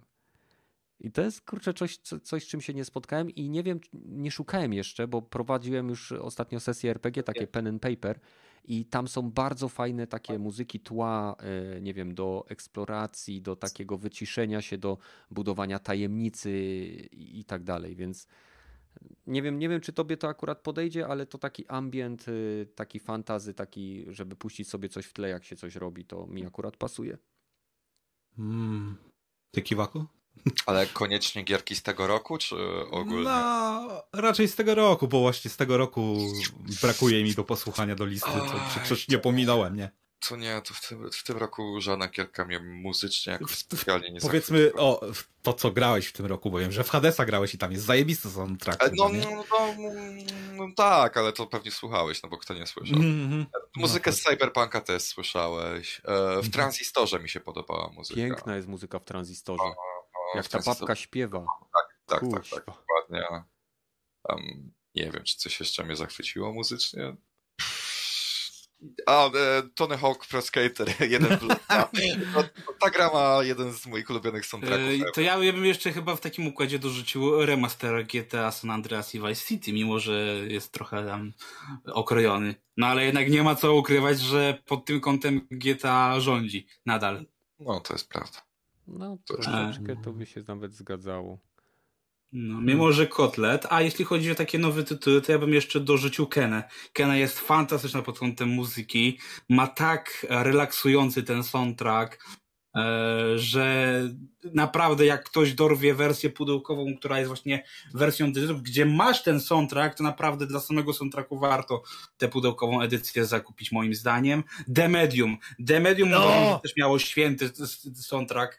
E, Rejkowski z Yamaoką odwali kawał zajebistej roboty, tutaj ukłony dla nich totalne. E, I ja jeszcze bym chyba też polecił tutaj e, Fist Fortune Shadow, to, bo też ma taki fajny, klimatyczny, lekko chiński soundtrack. Na, też ma ba, bardzo, bardzo fajny, chociaż w samej grze e, gra tego nie wykorzystuje i jak macie jedną lokację, to jeden kawałek na daną lokację jest przypisany i się powtarza w kółko, co jest męczarnią, ale sam soundtrack w grze jest, jak sobie oderwiecie to od gry, jest naprawdę mega przyjemny. Mhm. No i to- jeszcze raczej ten Clank miał fajny soundtrack w tym roku. E, Jeszcze to, skoro Rogaty lubisz, to polecam ci Outcast Second Contact. To jest też z gierki bardzo fajne. Aha. Mm. Aha, To i prze-. I przede wszystkim e, z najważniejsza nutka, którą e, ponownie sobie odkryłem w tym roku, ona jest z Dead Island i to jest ta nutka z trailera Who Do You Voodoo Bitch. Ona jest genialna. O, come on! Myślałem, że chodzi o ten trailer z, z pianinem, tą, mel, tą taką melodramatyczną. Nie, nie, nie, nie, nie. Who Do You Voodoo Bitch jest, tak, jest takim klasykiem. To jest taki klasyk. Nie, realnie. Wow. Liczę, w że... ogóle Na... nie wiem, czy zwróciłeś ci uwagę, że tego sorry, że ci wetnę, ale Strażnicy Galaktyki mają dwa soundtracki, które są nawet, jeden z, y, zostały teraz wydane, będą w przyszłym roku na winylu, żeby było Mm. śmieszniej. No, jeden to Bo- jest ten z, po, z licencjonowanymi piosenkami, Tak. a drugi to jest ten z muzyką stworzoną do gry, no. Ta Tak, stworzona właśnie tutaj gry też musisz to rozdzielić, bo masz gościa, który zrobił takie typowe marvelowskie mambo jumbo, nie? Takie orkiestracje, takie, które wiesz, są nijakie i se przechodzą tam mimowolnie koło ucha i masz jeszcze e, muzykę stworzoną z fikcyjnego bandu, z- który zrobił właśnie, wiesz, deweloper muzyczny e, i to nazwali jako właśnie Starlord, nie? Jako muzyka, wiesz, inspirowana tą grą a to funkcjonuje jako kawał dobrego hard rocka i to mogłoby spokojnie funkcjonować jako zespół, nie? To jest, wiesz, fikcyjny zespół, który nie istnieje, a jest, ma, robi taką dobrą robotę jak Mick Gordon w Dumie ostatnim na przykład, nie? Jeżeli lubicie 80sowy hard rock i heavy metal e, typu Kiss, Def Leppard, e, nie wiem, e, Twisted Sister, to tam to jest, sobie googlujcie Starlord Space Rider. Fantastyczny kawał muzyki w tym roku, nie? Mówię, nawet lepsze niż to, co zrobili właśnie e, Richard Jacques właśnie, który to tworzy w trakcie akcji, nie? Bo to, że tam licencjonowane kawałki, to to wiadomo, ale wiesz, to, że masz e, tak naprawdę trzech kompozytorów do tego soundtracka, e, wiesz, zrobiony stricte do gry, no to to jest dla mnie niesamowite i to czuć, że to są inni ludzie robili to, nie? Mhm. Okej. No to co? To życzymy sobie i wszystkim naszym słuchaczom, tym, którzy są z nami na żywo, jak i tym, którzy będą słuchali nas na Spotify, Patronite Audio czy Castboxie. e, Wszystkiego dobrego w nowym roku. Dużo czasu na granie, dużo kasy na granie. e, Gier, które są skończone, małej ilości mikrotransakcji, dużej ilości kontentu e, i przede wszystkim dostępu do kart graficznych, dostępu do konsol i przede wszystkim możliwości wyjścia na piwko z kumplami e, bez konieczności chodzenia w fantastycznych maseczkach. No. No, I nie umierajcie, bo gramy na permadev, więc nie ma co. Nie ma co. Trzeba Nie będzie, było ja- inny serwer wybrać, jak zaczynaliście. no, nie, nie będzie respawnu, więc To ja uważajcie jeszcze- na siebie. To ja jeszcze życzę, żebyście mieli w co grać, żeby gry, które, na które czekacie, nie zostały opóźnione na święte nigdy albo na następny rok. Żeby to nie było tak jak w tym roku, gdzie wow, tyle tytułów, a potem ej, no nie ma w co grać. No tak, O. tak. O man, Więc- to ja nie wiem, co życzyć. Może, może tego, że e, panowie, poza AAA istnieje cały inny świat. Jest milion albumów co, co roku wydawanych, tak samo jest milion gier co roku wydawanych. Nie dosłownie, ale nie musimy e, wszyscy grać w to samo i będziemy mieli większą zabawę, jak znajdziemy swoją niszę. To, to życzę, żeby każdy sobie znalazł swoją niszę.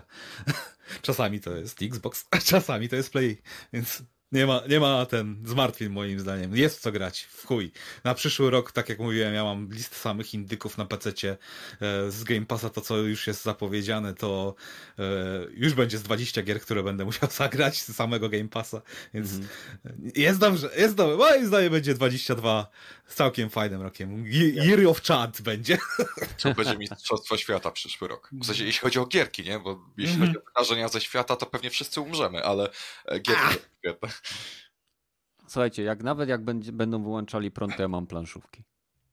Aha. Cwaniak. Także szczęśliwego nowego roku wszystkim i każdemu z osobna. Do zobaczenia u nas na Discordzie. E, Zapraszam Was, link macie w opisie. E, Podsyłajcie nasz podcast kurczę swoim znajomym. Będzie nas tu więcej. Będą wpadali na Discord, będzie świeża krew, bo zawsze jest ciekawie, jak są nowe opinie, więc tyle. Do zobaczenia w kolejnym odcinku, tak szybko jak to będzie możliwe i trzymajcie się, cześć. Jeżeli panowie chcecie coś tutaj dorzucić, to oczywiście możecie. Ja już na, na teraz się zamykam. Let's go! O, Oh, man. Who do you voodoo, bitch? A ja myślałem, że chodzi ci o ten kawałek, tam chyba było Pitbulla. I'm a bomb and about to blow up. Co był ten trailer, co sobie facet tak biegł. Tak, tak, tak, tak, to on też jest świetny, ale you voodoo, bitch jest tak idiotycznie głupie, że... Aj, Ale to idealnie pasuje do klimatu gry. Ja to w jakiejś grze gdzieś kiedyś słyszałem, ale nigdy nie wiedziałem skąd ja to znam, nie? da, to, to, I nadal nie wiem skąd ja to znam, nie? Tak, tak, tak Dead szczerze. Island takie było. Ej, nie. No. Mamy tutaj jeszcze od Janosika Artful Escape jako muzykę i Disco Elysium, że ma świetny soundtrack. Tak, tak, to już miałem na liście. Mhm. No Darfu to jest też do- gra do nadrobienia w najbliższym czasie. Nie no, te kawałki, co ja ci mówiłem, to są bardziej takie do tła. Jeżeli chcesz słuchać czegoś takiego, wiesz, y, tak, tak bardziej, że tak powiem, wystającego ponad tło, no to, to, te, to, to chłopaki mieli lepsze Mm. rzeczy niż ja. Przesłucham pewnie to. Mm. Będzie czas.